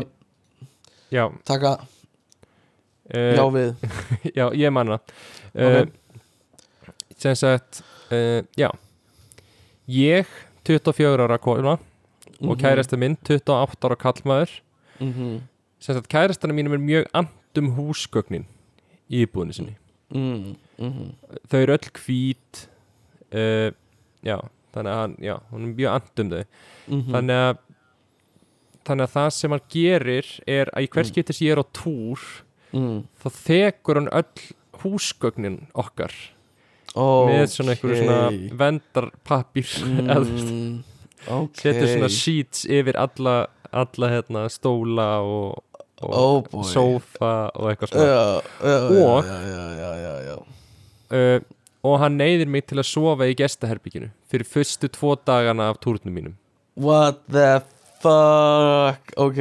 Og hann spyr Ok. spurninga yfir daginn eins og um, hvenær var síðast þú skiptir á eitthvað Oh svona. my fucking god. Ok Ok Ok. Ok, ég, ég ég þurfi ekki að lesa þetta meira. Þú bara ert búin að átta það á bara nákvæmlega hvað er að gerast þetta mm, mm, mm. Og hún eitthvað eh, konfrontar hann og segir eitthvað við hann eitthvað svona Já, eða sko það sem kemur í framhaldi er og henni bara finnst það mjög vandræðalegt og Mm. hann þykir vætn um hluti en sig Mhm. og hún má ekki einu svona kúra hjá honum þegar hún er á túr Já, já og Ok, ok já, og hún segir að það sem hún já, það, já ég skil hvað mér það sem hún gerir hún, þú veist, fær svona bara svona, hún tekur allt þetta drasl af stólunum. Er bara eitthvað fuck this og bara tekur í burtu öll þessi shit og eitthvað svo leiðis Já, já. Uh, Ok. og sagði honum, konfronta hann og sagði hann að hann þyrfti að hætta að haga sér eins og fáviti. Mm -hmm, mm Já, nei, bara mér finnst það mjög skýrt. Já. bara, bara ekki einu svona smá essul í þess pælt í að búa með svona ok, ok. Alveg ég, bila sko. Uh, ég er alveg fyrstu til að viðkynna það að ég er alveg svona smá uh, ég myndi ekki segja sóði en ég er alveg svona hreinlæti já, hreinlæti er kannski ekki efst alltaf á listanum mínum Já. yfir í forgangsröð. Um, en þó að ég væri mesta fucking neat clean freak í heimi þá er þetta alls ekki það sem ég myndi fókus á. Eða þú veist, Já, já, já. að að þurfa að lifa í svona heimi þar sem þetta er að bögga þig þá er eitthvað meira að sko. Þú veist, þá Já, ertu sko. Þá þarf þetta að endurhugsa margt sko. Ég líka bara hvað er þá leifilegt heima hér Þú veist, algjörlega, djöfull er það leðilegt heimili. Já, þú veist Ef þú kemur í partí, þyrfti ég að drekka bjórinn minn Þú veist, onni í baðkarniðinu mm -hmm. Yfir vaskinum, inn í sturtunni. potið sko oh my god, er þetta hljómar er svo leðilegu gæi. Bara svona, að, hann hlýtur að hafa einhverja góða eiginleika og þó að þetta sé það eina ah, bara, en svo, bara góðu punktu bara að fá vini yfir og ætla bara að chilla og drekka skilur, það hlýtur bara að vera mikið mál. Nema hann sé bara ógæðslega hrættu við túr sérstaklega og túrblóð og, og svona einhver þannig útferð. Það getur ekki verið sko. Já, ég, já, bótt með að trúa því. En ég meina, ef það er málið, þá þarf hann bara að vinna í því, skilur Það er ekki þú veist, það Já, er eitthvað sem á ekki að vera þannig sko. Já, og bara, og hún þarf ekki að vinna í því með honum. Nei, hún hún bara á ekki að þurfa að gera það sko. hún á ekkert að þurfa að gera það sko. Að þurfa að gista í gestaherbygginu hvaða fucking Þetta er það? Fucking god. Hvað er að Ekki- gerast? ekki einu sinni að þú veist að ég veit það ekki. Það er ekki einu sinni Uh, já. hann sem er að gista í gestaherbygginu nei, nei, já, líka það. Oh my god. Þú far drastlrúmið sem hérna og þú far ógísla rúmið sem er, má hérna koma eitthvað ógí það er bara algjör viðbjör um, já, hann er asshole þú ert ekki asshole sko. Já, bara, ég Allir sammála um mjög vel. Mm um, ok, ok henni er annað svona aðeins í öðrum dúr. Og ég ætla að reyna að gera þess að þú að þýða bara, jafn og það er miklu hæfuleikar hjá þér. Um, ok uh, er, am I the asshole fyrir að vilja ekki gefa uh, vini mínum pening uh, fyrir hérna fyrir það að ég gatt selt listaverkin hennar uh, ok. Uh, já. ok, nei, býtu ok. Þetta er bara já, farið næsta. bíddu, bíddu. Uh, Vinnu minn er nýr listamaður og er búin að vera að fá aðeins meiri aðtekli upp á síkastið uh, og nýlega byrjaði hún að, að selja eftirprenta listaverkunum sínum. Þegar hún byrjaði að lista þau eða setja þau á framfæri þá voru þau bara ótrúlega underpriced bara voru að seljast á allt og láguverði uh, ég let hann að vita af þessu að hún ætti að selja á herraverði og hún gæti allavega tvöfaldaverðið sitt, ef ekki meira. Uh, það væri svo mikil eftirspurn eftir þeim. Uh, hún, en hún trúði mér ekki, hún vildi ekki gera það. Ég kefti tvö af eftirprentunum hennar eða tvö af verkunum hennar. Ok, uh, ég vinn í, á kaffehúsi sem er líka gallery uh, svo ég spurði yfirmanni minn hvort ég geti hengt upp þessi tvö verk. Uh, ég skráði þau á sölu og uh, seldi bæði fyrir þrefalt verði sem ég kefti fyrir þau. Ok. Bara eins og ég held eins og ég var að búast við og sagði vinkunum mínu frá. Uh, ég uh, endaði því að græða í kringum 300 dollara. Mhm. þú veist 50, 50 skall eða eitthvað. Ég sagði nokkru vinnum mínum uh, og orðið og það komst einhvern veginn aftur til þessa lista vinkunum minnar. Uh, uh, hún fór að krefjast þess að ég gæf henni peningin frá sölunni. Uh, ég sagði henni alveg bara hart nei, absolutely not. Og sagði henni að ég, ég, af því ég let hann að vita frá byrjunni að Já. hún væri að selja þetta allt og ódýrt. Mhm. uh, ég, mér finnst að þessi 300 dólarar séu hérna laun fyrir mig eða payment to me uh, fyrir að sína henni að það væri þannig. Já, skilur, ég síndi fram á þetta. Mhm. Um, hún er reyðu til mig og, og er búin að vera að tala við annað fólk bara til þess að fá uh, huggun. Uh, vinahópurinn uh, minn uh, er mjög heitur í þessari umræðu. Uh, þau vilja að ég gefi henni peningi tilbaka uh, þau held að hún sé starving artist svona, uh, já, og hungry listamæður og, hérna, og ég er að ræna henni ræna hana. Uh, ok, mér líður illa að hún hafi mistað þessu pening en það gerir mér samt ekki að asshole er það ekki? er spurning. Ok, ok ok, það er öðruvísi en ég held þetta væri til að byrja með. Mm. ég held sko ok, nokkra spurningar sem ég hef í Mm. fyrsta lagi þá finnst mér bara mjög þú veist, það er bara mjög fair business. Mm, ef, ekki, ef honum hefði ekki tekist að selja málverkin dýrara Já. en hann kefti það þá hefði hann tapað pening á því og hann hefði ekki farið til hennar og krafist þess að hún myndi þá borga honum mismunin. Mm þannig að þetta er bara fair business. Já, sem svona góður vinur mm þá hefði alveg verið næs að vera eitthvað herri, ég sagður að geta selt þetta dýrara og þú veist, Mhm. hérna, þú mátt Mhm. fá helmingin ágóðunum og bara gerða það, þannig að græði mér í penning skilur, já, já. bara þú veist bara svona sem góður vinur. Mm mér skrítið að vinahópurinn sé svona eitthvað allur með henni. Mér líður svona þetta sé ekki eitthvað mjög góður vinahópur fyrir þig ef að það er Mm, stansið. Einmitt. Og eins og það vanti eitthvað baksögu þá, víst að það er staðan. Mm, þú veist, svolítið, þú veist, ert þú miljónamæringur og þú ert að mm, tala við vinir sem á engan penning skilur, einmitt, einmitt, mér finnst- það líka skipta máli að það er svona, Mhm. þú veist ef, ef að þú væri listamaður og ég ætti veist, ég ef að ég væri listamæður þú veist, þú ef ert að ég væri þú, listamæður þú Stefán, listamaðurinn minn. Þegar ég fyrir að selja list orðum þetta bara þannig. Og ég er milljarðamaðingur mm. þú átt valla efni á hérna uh, leigunni salt í grautin já. salt í grötin, húsinu mm Mhm, mhm. uh, og ég myndi gera þetta. Já.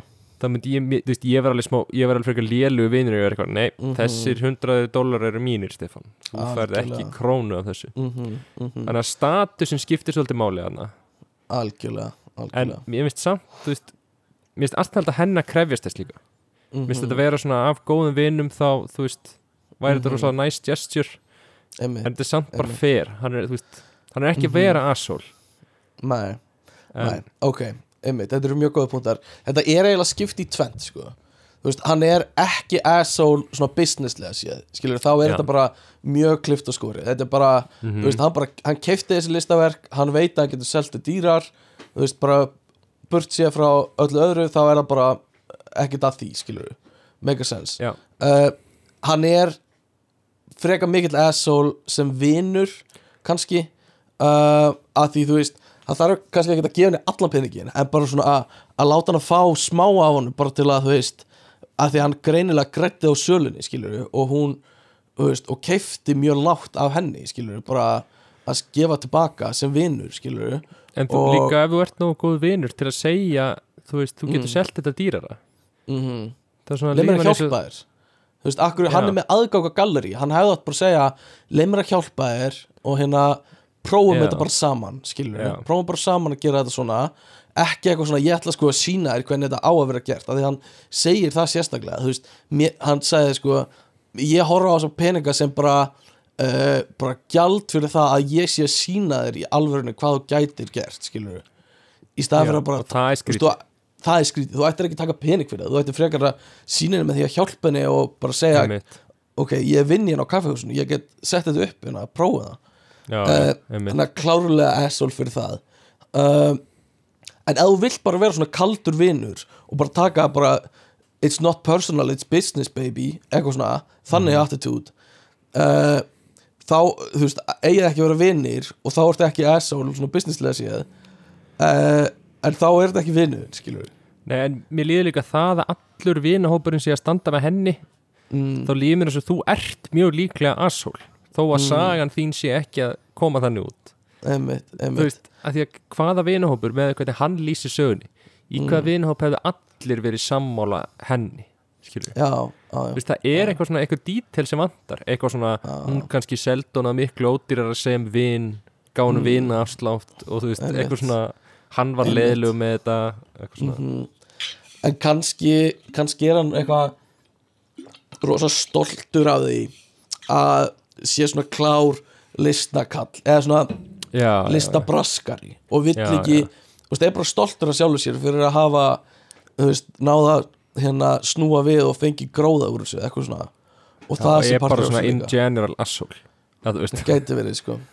Þannig að ég ætla að segja you're the asshole bara af því þið eigi að vera vinnir, sko. Já, já, að hann segi það, sko. Já. Eh, ef þetta væri bara einhver starfing listamæður út í bæ þá, þú veist, er erfið þá er þetta bara, veist, það, svona virka bara heimurinn skilur þú ferð ekki aftur til eitthvað sem þú þekkir ekki neitt og gefur pening af því þú seldi listaverki er að harra, sko. Já, Ah. en mér veist hún samt alveg líka þú veist, ef þetta eru bara mjög góði vinir og þú veist, mm, öll mhm, hans saga make a sense, þá finnst mér hún líka alveg vera asshole sko. einmitt, að vera bara að krefja vinir um að borga sér eitthvað því að hann seldi málverki sem, þú veist, hann já, kefti af þér já, málverk og fyrir að rukka hann að því að hann grætti pening á því, mér finnst það líka, þú veist mér Mhm. skrítið að gera það við vin. Einmitt, reyndar reyndar. Um, ok, ok. Uh, ég er með ég er með aðra sögu hérna. Ert þú með eitthvað sem þú vilt fara í? ég byrja á þinni. Ok. Um, Þetta er sem sagt Ég ætla að setja það svipina Ok, þessi er svona. Am I the asshole uh, fyrir að catfisha uh, sem sagt uh, unga sýstu mína underage sister sem stundur átján on Tinder uh, and humiliating her in order to, order to teach her a lesson. Sem sagt uh, já, hún catfisha hann á Tinder til þess að niðurlega hana. Um, í síðustu viku uh, var ég að nota síman hjá Astli systeminni uh, af því minn var dauður og ég þurfti að ringi við minn til að, að hérna staðfesta einhver plön. Uh, uh, þegar ég var að stempla í númerið sá ég Tinder notification frá einhverjum gaur uh, sem var að senda henni skilabóð strax þá uh, spurði ég af hverju hún væri á Tinder. Hún er 17 ára sko. Uh, og hún þ- þreifaði mér síman aftur og sagði það bara skiptir bara það er ekki none of your business sko, bara skiptir ekki máli. Kemur ekki við. Ég ákvað að hafa smá gaman og hérna já, sm- smá fun with this. Uh, ég vildi gefa henni smá svona benefit of the doubt og uh, að því kannski var hann bara að svæpa upp á gamanið. Bara svæpi svæp, gaman gaman eins og við gerum. Mm. um, þannig að ég vildi ekki fara alveg strax í að, að segja fóruldrum okkar frá því. Um, til þess að prófa þetta bara upp á gamanið þá ákvaði ég að búa til Tinder, Tinder profile uh, af einhverjum öðrum en mér og senda henni skilaboð og sjá hvort hún svaraði. Uh, ég spurði góðan vin úr, hás, hérna, úr háskóla uh, sem er reyndar male model og heitir Kevin. Uh, mjög mikilvæg detail hérna. Ef honum verið sama þá ég notaði myndir á honum og ég útskýri stöðuna fyrir honum. Hann sagði þetta væri fucking hilarious og sagði mér bara go for it baby. Uh, ég bjóð til account sagði að ég væri 22 ára og setti swipe uh, radíusuminn uh, í kringum eina mílu og var mjög snögg að finna account systeminnar á Tinder. Mm aldurinn hennar var settur 19 ára. Dun dun dun. Ekki 17 Crazy. Hún er, hún er ennþá í high school sko. Uh, so uh, svo mér fannst þetta klárlega meira svona suspicious grunnsalegt uh, uh, af henni núna. Ég superlækaði uh, hjá henni og minna klukkutíma seinna var komið match og uh, hún sendi mér skilabóð uh, ég ákvað að setja upp date uh, á svona fancy hérna veitingastað í miðbænum á sunnudegi og sagði henni að við gætum head to my place afterwards farið til mín þegar við erum búin að borða da, da, da.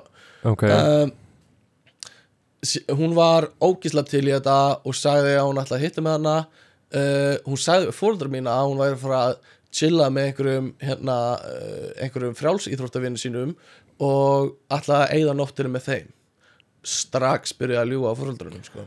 ok dö, dö, dö.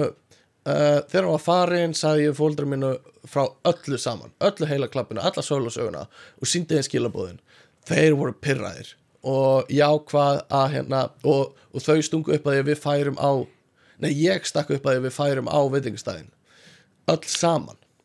Uh, pappi minn og ég fórum bara tvö í staðin og uh, við sáum hann að sitja á borði eina alla mjög fancy og, og hérna puntaði upp og hún var að býða eftir þessum gym sem ég bjóð til á Tinder. Uh, pappi minn fór upp á hann og sagði Jim is not coming sagði hann. Uh, og hún öskraði og spurði hvað við varum að gera hana uh, ég sagði henni að það væri engin Jim og þetta væri fucking heimskulegt af henni að reyna að hitta fullorna kallmenn á Tinder þegar hún er 17 ára.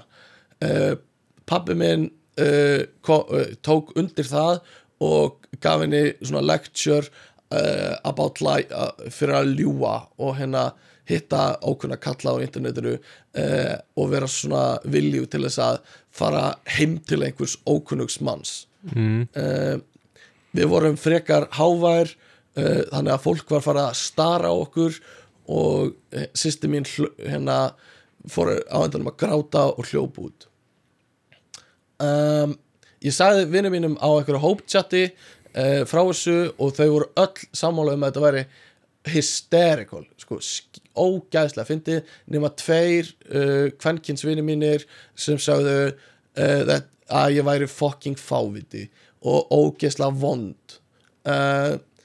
Aðri vinni mínir kom mér til varnar og sagðu að það þyrfti að kenna henni leksíu uh, og svo wonder who is uh, right so far. Og já, if it was too far. Ok. Mm. mjög áhugavert. Mm uh, mér finnst hún alveg vera assól sko. Já, já, já. Mér finnst þetta alveg ótrúlega röng leið að tækla þessa leksju þú veist. Mm og ég veit ekki, það er bara svo margt aðna, þú veist, ok, hún er 17 ára en þykist þeirra 19 ára, þú veist. -hmm. ég veit ekki, fyrsta leið þetta er eitthvað svona, þú veist, þetta er ekki svona síðan 12 ára, þú veist, Nei. Þú veist hún er orðin 17 ára, þetta er eitthvað svona mm hvað, eitt ár væntanlega? Já, já. Ætla þessi ekki átján þarna, Mhm, átján jú, jú. flestum stöðum. Uh, Æ, ég veit það ekki þú veist, hún er bara eitthvað svona að explora og þú veist, og gera eitthvað mistök og eitthvað svona auðvitað, þú veist, ættur að kenna henni þú veist, Mhm. hættu þetta að fylgja þessu, þetta er auðvitað heimskulegt hjá henni en að Mhm. gera þetta þennan hátt og þú veist, Einmitt, og þú veist eitthvað ekki að hjálpa sýstunni, þú veist líka einhvern veginn búin að segja mm frá því og láta þau koma og konfronta þetta, þú veist, einmitt, þú veist ekki einu svona tal, taka sískina spilið þessu og ert eitthvað svona, herri, ok þetta er ég, Já, já, en þetta er viðvörun, skilur, þú veist. Já, og ég veit ekki, þú Sko, já. veist, markmið var svolítið að niðurlega skilur, markmið Já, var ekkert að henni leksju, þú veist, að, að þú hefði gert þá fullt, þú veist, margan Einmitt. annan hátt heldur en þetta, markmið að vera Algjörlega. fyndin og vera leðileg, skilur Mhm. Algjörlega, það er nefnilega hún segir það sko, að þetta ætti að vera fucking hilarious sko. Já, já, einhvern veginn að það er já, það er svona það sem hún er að reyna að gera en ekki með þú veist, sýst, þú veist, vel já, svona hag sýstrina fyrir brjóstið skilur, já, sem er alveg svona freka klárt. Og, og uh, kannski algjör óþarf að fara með þetta svona langt. Þó að þú, þú veist, þú gæti gert þetta einhvern veginn en að fara alla þessa leið með þetta er kannski uh, svona smá rassism move líka því að þú Uh, veist þú, þú feluð á bakvið að þetta sé verið til að kenna leksju en ert samt að Mm. gera þetta til að vera fyndin að því að þú veist, já, ef einmitt, þú myndir einmitt. gera þetta við mig já, Já. sem að vera báður í þessari stöðu þú veist, Mhm. við- án þess að eitthvað, þú veist, að hvorur okkar hafi ekki aldur til þess að vera á Tinder eða hvað sem er já þá er það ógæslega mikið asshole move, skilur mhm. Þú ert að Mhm. kattfissa vindin bara því þið finnst það fyndið og neyðan ég að fara á stefnumót með einhvern sem hann heldur að hann sé að fara á stefnumót og svo kemur þú. Einmitt, þá er þetta ógæslega mikið asshole move eða þú veist. Já, einmitt. Þannig að uh, já, þetta er alveg svona ég myndi alveg klálega að segja að hún væri asshole í þessu tilfelli sko. Um, og það er hægt að finna miklu betri leiðir til þess að gera þetta ef það er virkilega það sem þú ert að reyna sko. Að að- að ná áframfæri sko. Um, mm þannig að uh, já, já, já. Uh, en eins og margir í kommentunum segja uh, þú veist, það er annarkort you're the asshole eða you're not the asshole og svo er stundum sagt uh, everyone sucks here E-S-H og Já. það býður bara, þú veist þetta er bara þannig aðstæða að það er kannski ekki alveg klift að skora því þú veist, þetta er mikilvæg leksi að segja fólk í kommentunum en executioni var fáránlegt hjá henni sko. Já, uh, en ég meina af hverju þarf þetta að vera svona leksía sem þú ert eitthvað svona sem þú lærir, að ég veit ekki. Er, er þetta þannig leksía að þú þurfir að upplifa eitthvað svona til þess að læra að því? Ég er ekki viss sko. Já. Uh, það var eitthvað svona algjör trust issues sem fylgja þessu? Já. E, og þú veist, þú veist önnu leksi í þessu er að ekki bara að þú eigir ekki að fara heim með ókunnugum heldur bara að fólk á netinu er ekki endilega s- þú veist, sem það heldur að það sé já, já, bara svona internet hérna uh, leksja yfir höfuð sko. Um, en þú veist það þurfi ekki allir að lendi til að veist, við vitum það. Það er ekki þegar við lendum í því að að fara að stefnum át með einhverjum á netinu. Nei, einmitt Ég var eins og komin á Ítali og Tryggvi og mamma og pappi kom bara þú, ert ekki að fara að hitta Beyoncé. Og ég var bara, what the fuck? Er Tryggvi. Beyoncé. Ég held Beyoncé var að koma á Ítali Já, um, einmitt. Ok um, Ég er með aðra sem er aðstættri og Ok. hérna svolítið skemmtileg. Ég meina, uh, má ég taka hana á millið Já, takk hana á milli ok, herbyggisfélagi minn er búin að vera í burtu í þrjára hálfa viku. Mm, hún tók hundin sinn með sér en skildi köttin eftir. Ok. Og hún fór bara mjög fljótt að þess að segja mér hvert hún fór eða hvert hún var að fara og eitthvað og skildi bara köttin eftir. Mhm. uh, hún er með kærasta sem hún eyðir oft svona tveimur dögum á viku með. Mhm. og já, venjulega þá kom hann samt alltaf heim og gaf kettinum að borða en skildi eftir hundin nei, Mhm. gaf kettinum borða og tók hundin Mhm. uh, svo tók hún eftir einhverjum tveimur dögum eftir að herbyggisfélagin var farin að köttinum að byrja að fara að stökku í matinn og, og hún var greinilega ekki búin að gefa kettinum að borða þannig að hann var að byrja að leita mat í búðinæðra og eitthvað svona. Mhm. Ok. Og þessi manneski sendir herbyggisfélagunum SMS herbyggisfélagin svarar ekki SMS-inu og þannig að hún byrjar að ringja í fólk í kringum sig til að reyna að átta sig á því hvar þessi herbyggisfélaginar var og eitthvað svona Mhm. og uh, sá að herbyggisfélagin var ennþá að posta þú veist á, á Instagram og einhverjum svona Mhm. social media miðla um, en svaraði ekki skilabóðinu frá henni Mhm. þannig að uh, eftir eitthvað tíma það sem að herbyggisfélagin var bara ekki að koma tilbaka að gefa kettinum og var stöður í burtu og, og, og hérna svaraði ekki skilabóðum en var samt að posta á Instagram og eitthvað. Þá Mhm. ákveður hún að gefa köttin bara í svona kattholt eitthvað. Einmitt, einmitt. Og nú er hún að spyrja am I the asshole? Já. Nú er þú katta, katta, kattasteppi. Mhm. Ok, byttu, byttu, byttu uh, Var herbyggisfélagin ekkert að koma tilbaka? Eða? uh, nei, Nei. Bara, þú veist uh, já, hann bara hættur að veist, hann skildi hann bara köttin eftir heima eða þú veist á þessum tímapunkti þá var hún í rauninni bara að segja herðu, ég bara ákvað núna að fara með hann. Veist, bara, ég var að ákveða að fara með hann og sjelterið og Ok, þannig að veist, á þessum tímapunkti þá er herbyggisfélagin ekki komin tilbaka. Þannig að við vitum ekkit, veist, við vitum ekkit baksöguna hvað gerist eftir það. Nei. Ok, ég bara pæla hvort ég mistaði einhverju Er uh, herbyggisfélagin býr en, ætlaði þá, var- kom ekkert fram að hann væri hættur að búa með henni eða? nei, Svo, bara svona búumst hvarf eiginlega. Al- Já, já, já og partur sem ég slefti var að þú veist einhvern tíman áður í sögunni þá hafði hún líka horfið ég veit ekki hvort það stelpaði strákur en hafði allan þessi manneski líka horfið en þá er það eitthvað að hún fór í maníu og eitthvað svona, þú veist var Ok. lögðinn á geðsjúkrahús þú veist, eitthvað svona, eitthvað já, og þá hvarf hún Ok. líka í einhverja daga. Þannig að, ok. þannig að það var ekkert eitthvað það óeðlilegt að manneskinn skildi hverfa. Mm en nú var hún búin að vera í nokkra daga og ekki búin að koma tilbaka og gefa kettinum að borða. Einmitt, og þessi manneskja nefndi ekki standi því að vera að kaupa kattamat og sjá um köttin ég skil. Ok, uh, fyrsta hugsun alltaf, það er bara ekki hennar ábyrð að sjá um hennar kött. Mhm. uh, og hún getur ekki tekið það á sig skilur uh, bara þó að veist, þetta er 100% á ábyrð herbyggisfélag hans. Um, og sérstaklega þú veist, það er bara en þú, veist, þú, þú getur verið góð manneski og séð köttin í einhvern tíma að því bara mér finnst mega sens að herbyggisfélagi komið tilbaka ef hann mm. Borgar leigu og eitthvað svona.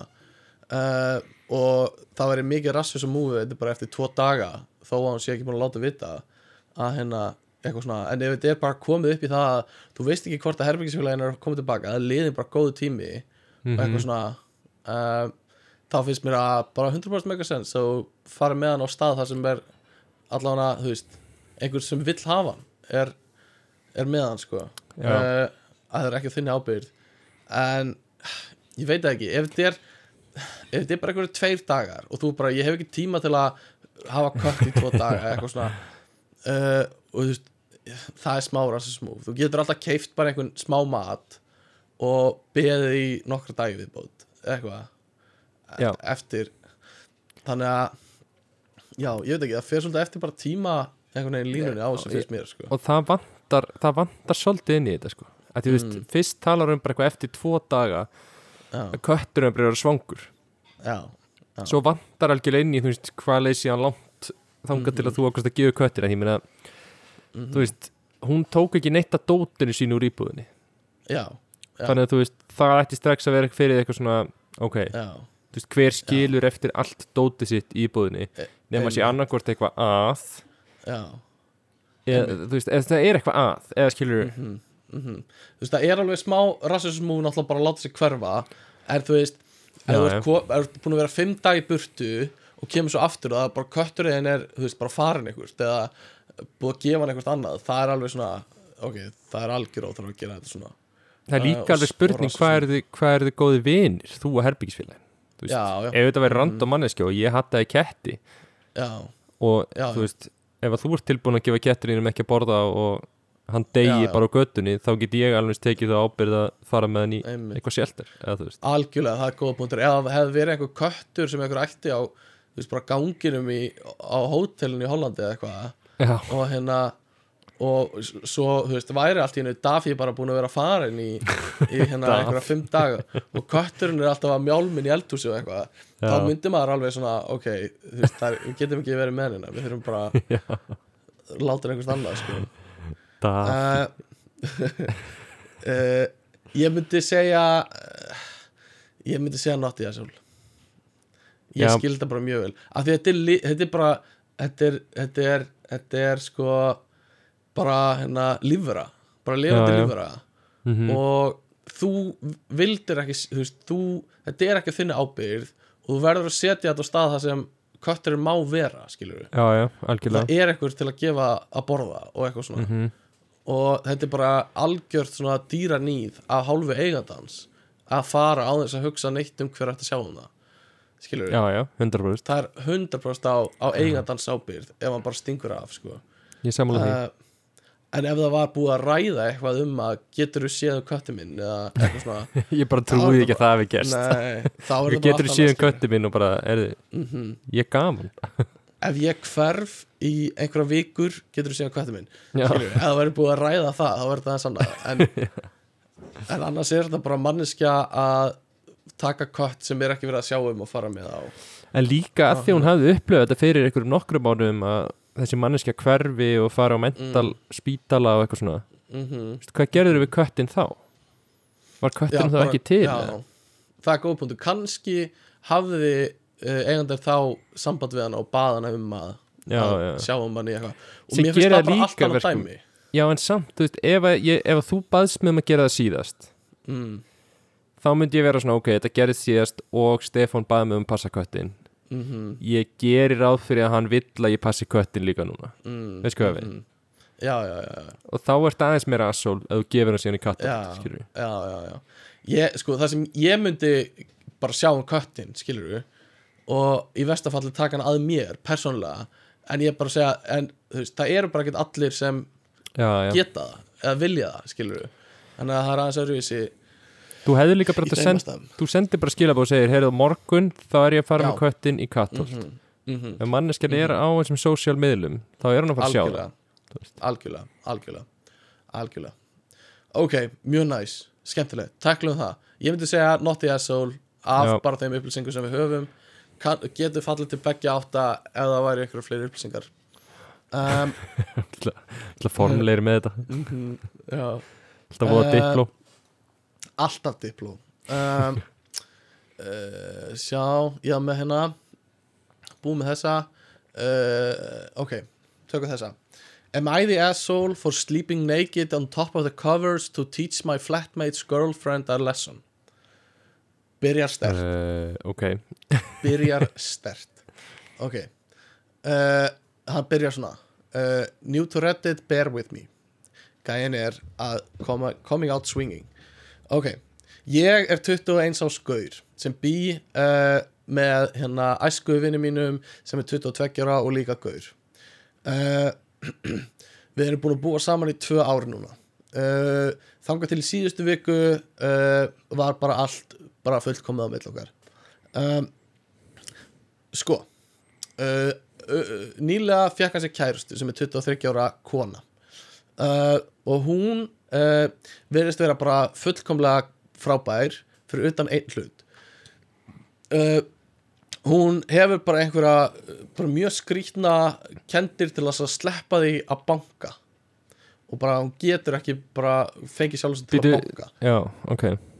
Um, við tvö, sérst ég og hún ég og kærasta þessar vinna míns uh, höfum mikið sammeðilegt og mér finnst bara í alveg mjög gaman að ve- vera með henni uh, en það, það böggar mig ógeðslega mikið uh, að hún bara opnar oft hurðina inn í herbyggi mitt á þess að banka mm. mm, uh, hún hefur aldrei uh, þangað til núna hefur hún aldrei komið inn á mig gera eitthvað ósmekklegt eða óseglegt Mm. og að því ég er vanalega bara að chilla í rúminu mínu eða læra á skrifborðinu mínu en að já uh, en á síðustu sjö sagt, aðskildum tilvikum uh, þá uh, er hann að gera þetta bara, bara á mótnana. Bara, þú veist, fyrsta sem hann gera á mótnana basically, er að koma inn til mín og spyrja hvort ég vilji kaffi. Bara labba inn til mín á mótnana og spyrja hvort ég vilji kaffi. Uh, ég sef nakin punktur. Uh, í öllum skiptunum uh, þá hérna uh, þá hef ég verið undir hérna sænginu minni og hún hefur ekki séð neitt. Uh, en ég hef alltaf bent á að hún gæti séð eitthvað en hún bara hlær og segir en ég gerði það ekki. Uh, ok, hún var með okkur í síðustu viku og bara til þess að bara sanna mál mitt, prove my point þá ákveði ég vísvitandi að sofa ofan á sænginni í þetta Ok. skipti. Og við veitum enn, hún kom og opnaði hörðina og labbaði beint inn á mig klukkan sjö um morgun. Uh, og að spyrja hvort ég vilja kaffi. En sér tippið mitt lafandi út. Uh, hún bara strax bakkaði hægt út og uh, hefur ekki talað um mig síðan eða restin á deginum. Hann er semst að skrifa um kvöldið. Vinur minn tók mig til hliðar og sagði að ég væri sko fucking out of order bara þetta er ekki lægi uh, og, s- og ásakaði mig um að vísvitandi hérna uh, expósa mig. Uh, og sagði að ég væri að hérna þrettana uh, að gera það sannst, fyrir þetta. Sannst, að ég væri Ok. bara vísvitandi að, að, hérna, já, að flassa og, hérna, og ég hefði hótað hóta henni að gera það. Uh, uh, já. Ég sagði bókstaflega ok, but en hvað, það sem ég hafði í rauninni sagt það voru ekki hótanir, ég hafði í rauninni sagt ok, hvað ef ég sef uh, með enga sæng? Uh, og hérna ok, nú eru þau að reyna að láta þetta líta út fyrir aðra uh, eins og ég sé eitthvað krýp sem hérna viljandi svaf nakin uh, uh, bara býðandi eftir því að hún kæmi uh, bara til þess að ég gæti þú veist, bara að því mér finnst það spennandi að ég Mm, fæ eitthvað út í já. eitthvað svona. uh, og, og ég sé svona kannski smá að það sé hægt að tólka þannig en það er það ekki, skilur mhm. Uh, Am I the asshole for doing this? Er spurningin. Já. Ég Í fyrsta lagi var eitthvað svona veist, var eitthvað tímabótið sem tókst alvarlega umræðin sem þú sagði bara, heyrðu, ertu til í að hætta að opna hörðuna mína á þessa banka? Já, já ég, mín, tilfinning er, mín tilfinning er að það hafi alveg verið þannig sko. þú veist, mér finnst alveg skrítið að fólk virði það ekki. Já, mér finnst það líka. Mér finnst þú alveg vera assól ef þú virðir það ekki að einhver vill þú bankir og þú kemur inn til hans.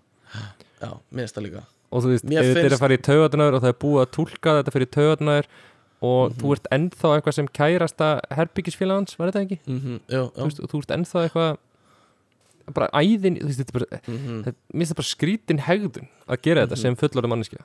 Einmitt. og það er ekki eins og það að hún eigi ekki að koma inn það er bara banka fyrst takk skilur láttu mig vita fyrst. Mér finnst persónulega hann ekki vera asshole í þessu Nei, uh, hann var aldrei, veist, hann vildi ekki að hún gerði þetta, skilur Já, hann er búin að segja það oft. Hún Já. er búin að gera þetta oft og er ekki hætta. Uh, og, og hann er bara að segja, þú veist ég sef nakin, þetta er eitthvað sem gerist einhvern já, já, 100% og hérna uh, og please ekki lappin í herbyggi mitt. Og, en hún gera það bara samt skilur og hérna ég hef fullan rétt á því að sofa nakin og ég hef fullan rétt á að gera það á þess að vera með sæng skilur inn í mínu herbyggi Já, já. Ég held að það sé augnlíkt Ég meina, hún er að vera asshole og kærastinn Er það hennar er að vera asshole. Jú, ég meina. Hvað, þetta er þitt herbyggi, þú ert með roommate þetta er eina persónulega spaces þú hefur. Mhm, einmitt og ég meina, þú veist ég skil alveg hvernig honum líður illa eftir að taka þessu ákvörðun því hann veit að hann var viljandi að taka þessu ákvörðun. Einmitt, einmitt, þannig að hann veit alveg að hann var að expósa sig viljandi þannig að hún myndi Mhm. lendi í því. Einmitt. En á sama tíma þá átt hann auðvitað þú veist, hann átti rétt á því og mhm. Algjörlega.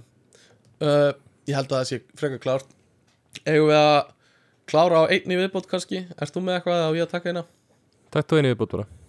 Ok, þetta er síðasta hjá okkur. Lofum. Ok, lofum. Og hérna, já. Am I the asshole for not clearing the air between my teenage daughter and her boyfriend? Sérst að, að hreinsa andrúsloftið Ok. um, Ok, ég 44 ára kona uh, á uh, 18 ára dóttur. Af hverju, allt, veist, af hverju skiptir alltaf máli í öllum þessum sögum? Hvað allir eru gamlir og hvort þetta er kona Það er greinilegt að þetta sé er, eru alltaf fyrstu spurningarnar ef að þetta er ekki sagt, held ég. Þetta er, þú veist, það var bara til að gefa Já, kontekst já, já, ok, ok. Sýnist mér. Það er svona að segja þetta allir uh, ég ól hana upp uh, með það fyrir augum að það versta sem hægt er að gera mannesku er að halda fram hjá henni. Þannig að það er bara eitthvað svona þetta er bara eitthvað gildi sem hún bara var mjög eitthvað meðvituð um. Uh, uh, dóttir mín er vanalega hérna mjög þæg og góð og hérna já og, og er sammálaði að, að, að, hérna, að halda fram hjá slæmt uh, og hún hefur aldrei verið í sambandi fyrir en bara nýlega fyrir nokkrum mánuðum. Uh, þá sagði hún mér að hún væri í long distance sambandi með strák uh, sem hún hafi þekkt í þrjú ár. Uh, ég hef ekkert vandamál við það eða kærustan hennar. Ég hef talað við hann þegar hann kom í heimsókn og bara í gegnum síma og hann virðist vera mjög næs og respectful og alltaf þegar hún er talar um hann þá er það bara, bara verðist hann vera mjög næs og hún Ok. málar hann í góðu ljósi Mhm. uh, uh, já, uh, já in the second months já, sem sagt já ok, sorry þeir eru búin að deyta í tvo mánu þá gaf hún honum símanúmeri mitt eða kæmi upp einhver vandamál eða einhver svona emergencies bara make a sense, basic uh, já, og nú og sagt nafni sem hún er með hann seifað undir er Love of My Life. Sagt nafni sem hún er með í símanum sínum fyrir hann. Uh, hún er mjög opinn með þetta og talar oft við mig um þetta. Vandamáli kom þegar ég einu sinni uh, fekk skilaboð uh, frá já, já, sorry. Vandamáli kom þegar hún fekk skilaboð frá öðrum svona messenger service þess kannski ekki messenger, ég held að vera Discord. Uh, já, já, frá Discord segir hún. Uh, hún spurði mig, eða bað mig um að, að hérna, segja sér frá hvernig það væri og bað mig um að lesa uh, af því hún var að baka. Það var frá einhverju skrýtnu nafni sem var ekki kærastinn hennar og ekki nafni hans. Og hann var að vera eitthvað svona rosa krúsudúlulegur og tala svona eitthvað Ok. hey babe tótt, við, í, í gegna það. Þetta var semst allt í símanum hjá dótturinni. Ok, og dóttirinni bað mömmunum að lesa þetta fyrir hana. Uh, uh, ég fekk knút í magan og þegar ég opnaði síman og uh, og þegar ég sá að hún hafi verið að senda svona kærustuleg skilabóð tilbaka á þennan mm ókunnuga mann. Uh, ég setti síma mig niður og afsakaði sjálf mig frá borðinu. Uh, ég var svo reið út í sjálf mig uh, að á þessu augnabliki þá sendi ég kærastanum skilabóð og varaðan við því að dóttir hans, að dóttir mín uh, væri líklega að halda fram hjá uh, stuttu eftir það kemur dóttir mín hlaupandi til mín bálureið og grátandi og segir að kærastan hafa hægt með sér út af einhverju sem ég sagði við kærastan uh, ég sagði henni hvað ég hafi fundið á símanum hennar og uh, hvað ég gerði og svo skammaði hana fyrir uh, þetta og sagði ég hefði alveg hana betur upp en það. Uh, hún tók djúpan andradrátt og útskýrði fyrir mér uh, að nafnið væri usernameið hjá kærastanum hennar. Þetta var semst sami gæin bara með uh, annað username. Já, og að hann notaði þetta semst, Discord þegar hann er að spila tölvuleiki í tölvunum sinni. Bara hund, allt við þetta meikar 100% sense. þetta er allt eitthvað sem bara, bara veist, já, ekkert skrítið við þetta. Uh, here is where I may be já, hérna kemur komum við að því það sem ég gæti verið fáiðin í þessu tilfelli. Býtu, erum við að koma að því? Já, já, og, og býttu bara sko.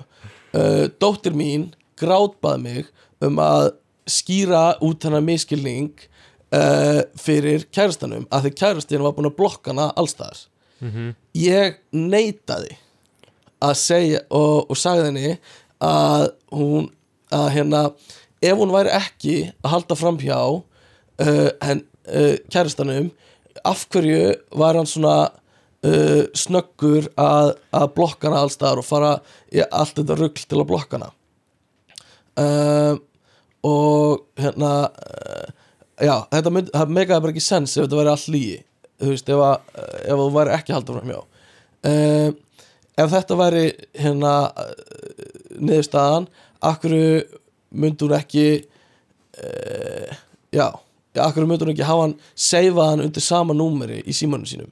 Hmm. uh, dóttir mín er búin að vera grátandi inn í herbyggi og haldandi fram að hún í alvörunni elskaði hann og nú er ég farin að velta fyrir mér ef ég gerði rángan hlut uh, not clearing there, semst ekki að, að, að leira þetta miskilling Já. uh, ég held ég held bara að, að því þetta er fyrsta sambandið hennar uh, þá getur hún reflekta á þetta og gert hana betri am I the asshole Þetta er Nei, já, þú ert í Skelfilegt sko. Þú ert í asshole á svo marga vegu Þetta er líka bara svo miðaldra að fatta ekki að þú veist Discord er ekki tengd endilega við símanúmer og seifa það eitthvað sama símanúmer þar.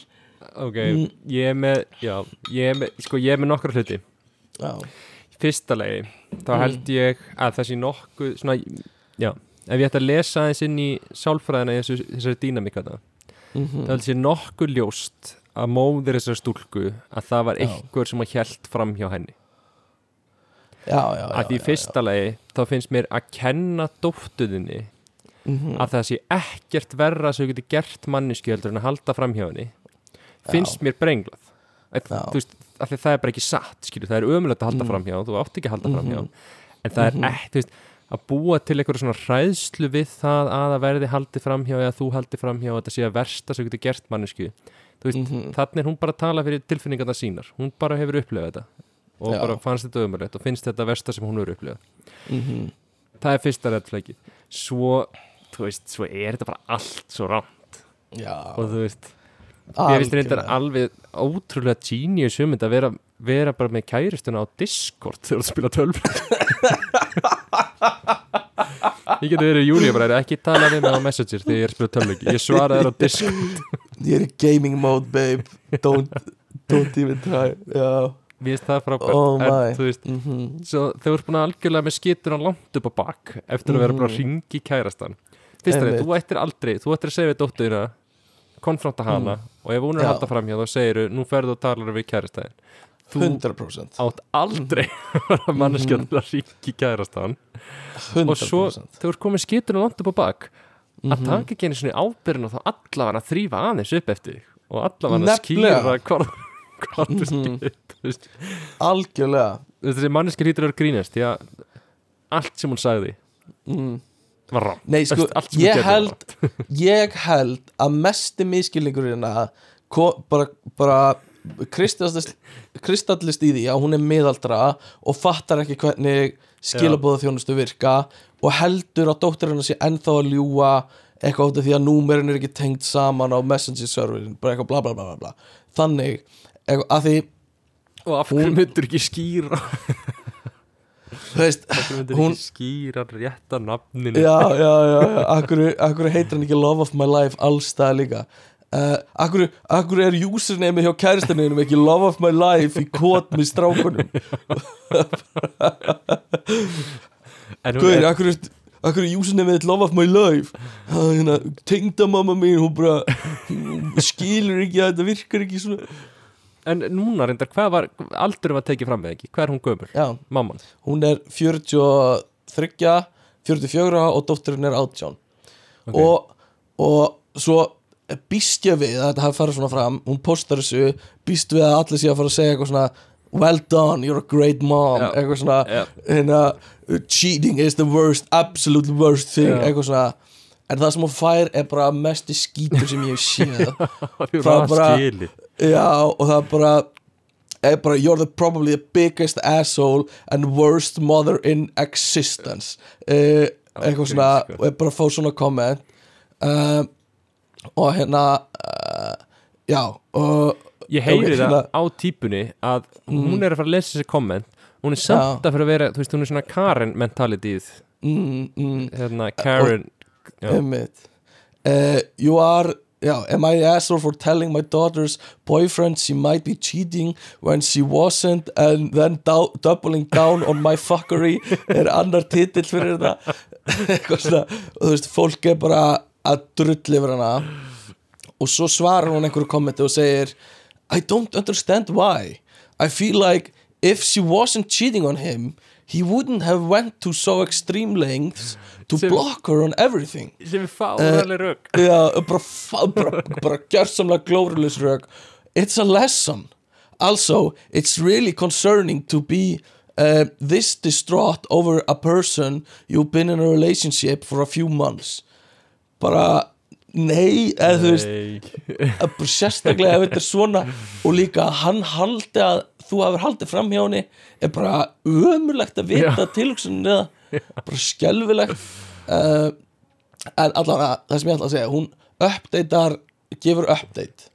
Uh, að því sko að því fólk var að drulla yfir hana sko. Já, hún bara hmm, maybe I'm the bad guy. Eitthvað. Hmm, ah, áhugavert. hún segir, hún segir hérna with the fast replies of telling me I'm the asshole I'm attempting to fix it thank you for your replies and snapping me back to reality.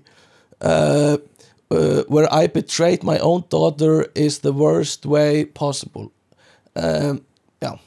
Þannig að hún svona Ok, eftir að hafa verið köllu bara fucking monster og eitthvað svona worst mother in existence uh, þá, þá mögulega sér hún að sér og kannski uh, fyrir hún að læra eitthvað um hérna skilubúða þjónustur almennt en líka bara, líka bara svo þú segir sem er góða punktur að þú veist þó það væri ekki nema bara til að hann allavega fengi að vita. Mm þú veist, kannski er þau þú veist, kannski er hann að halda framhjá, kannski trúir hann ekki lengur, þú veist, trúir hann því samt að hún sé að halda framhjá og eitthvað svona. Mm, mm, en bara það að hún útskýri allavega hvaðan hennar upplýsingar komu þannig að hann geti Mhm. tekið þessa ákvörðu fyrir sig mhm, mhm. nefnilega, nefnilega. Alveg magna sko. Uh, já, annars þetta ekki þetta var bara síðasta sagan okkar. Um, ég veit ekki hvernig þessi þáttu kom út það verður gaman að heyra hvort það er fíluð þetta. Uh, það, er, það er alltaf hægt að gera meira eitthvað svona, það er endalust til. Að, við vorum að hugsa með að vera bara með svona þetta núna. Að við ætlum að skýra ekkert að asshole uh, podcasti heiti það núna. Um, er það ekki? Og já, bara hafið samband á ekkert að frétta að gmail eða ekkert að frétta podcast á Instagram. Um, bara góða stundir held ég og, og hafa það gott í páskafrínu og uh, borðið yfir okkur á páskaðegjum eitthvað sem þú vilt segja lókum nei, bara, bara teka undir allt sem þú sagðir. Ok uh, ok, weirdo, fine. Fine, bye. Bye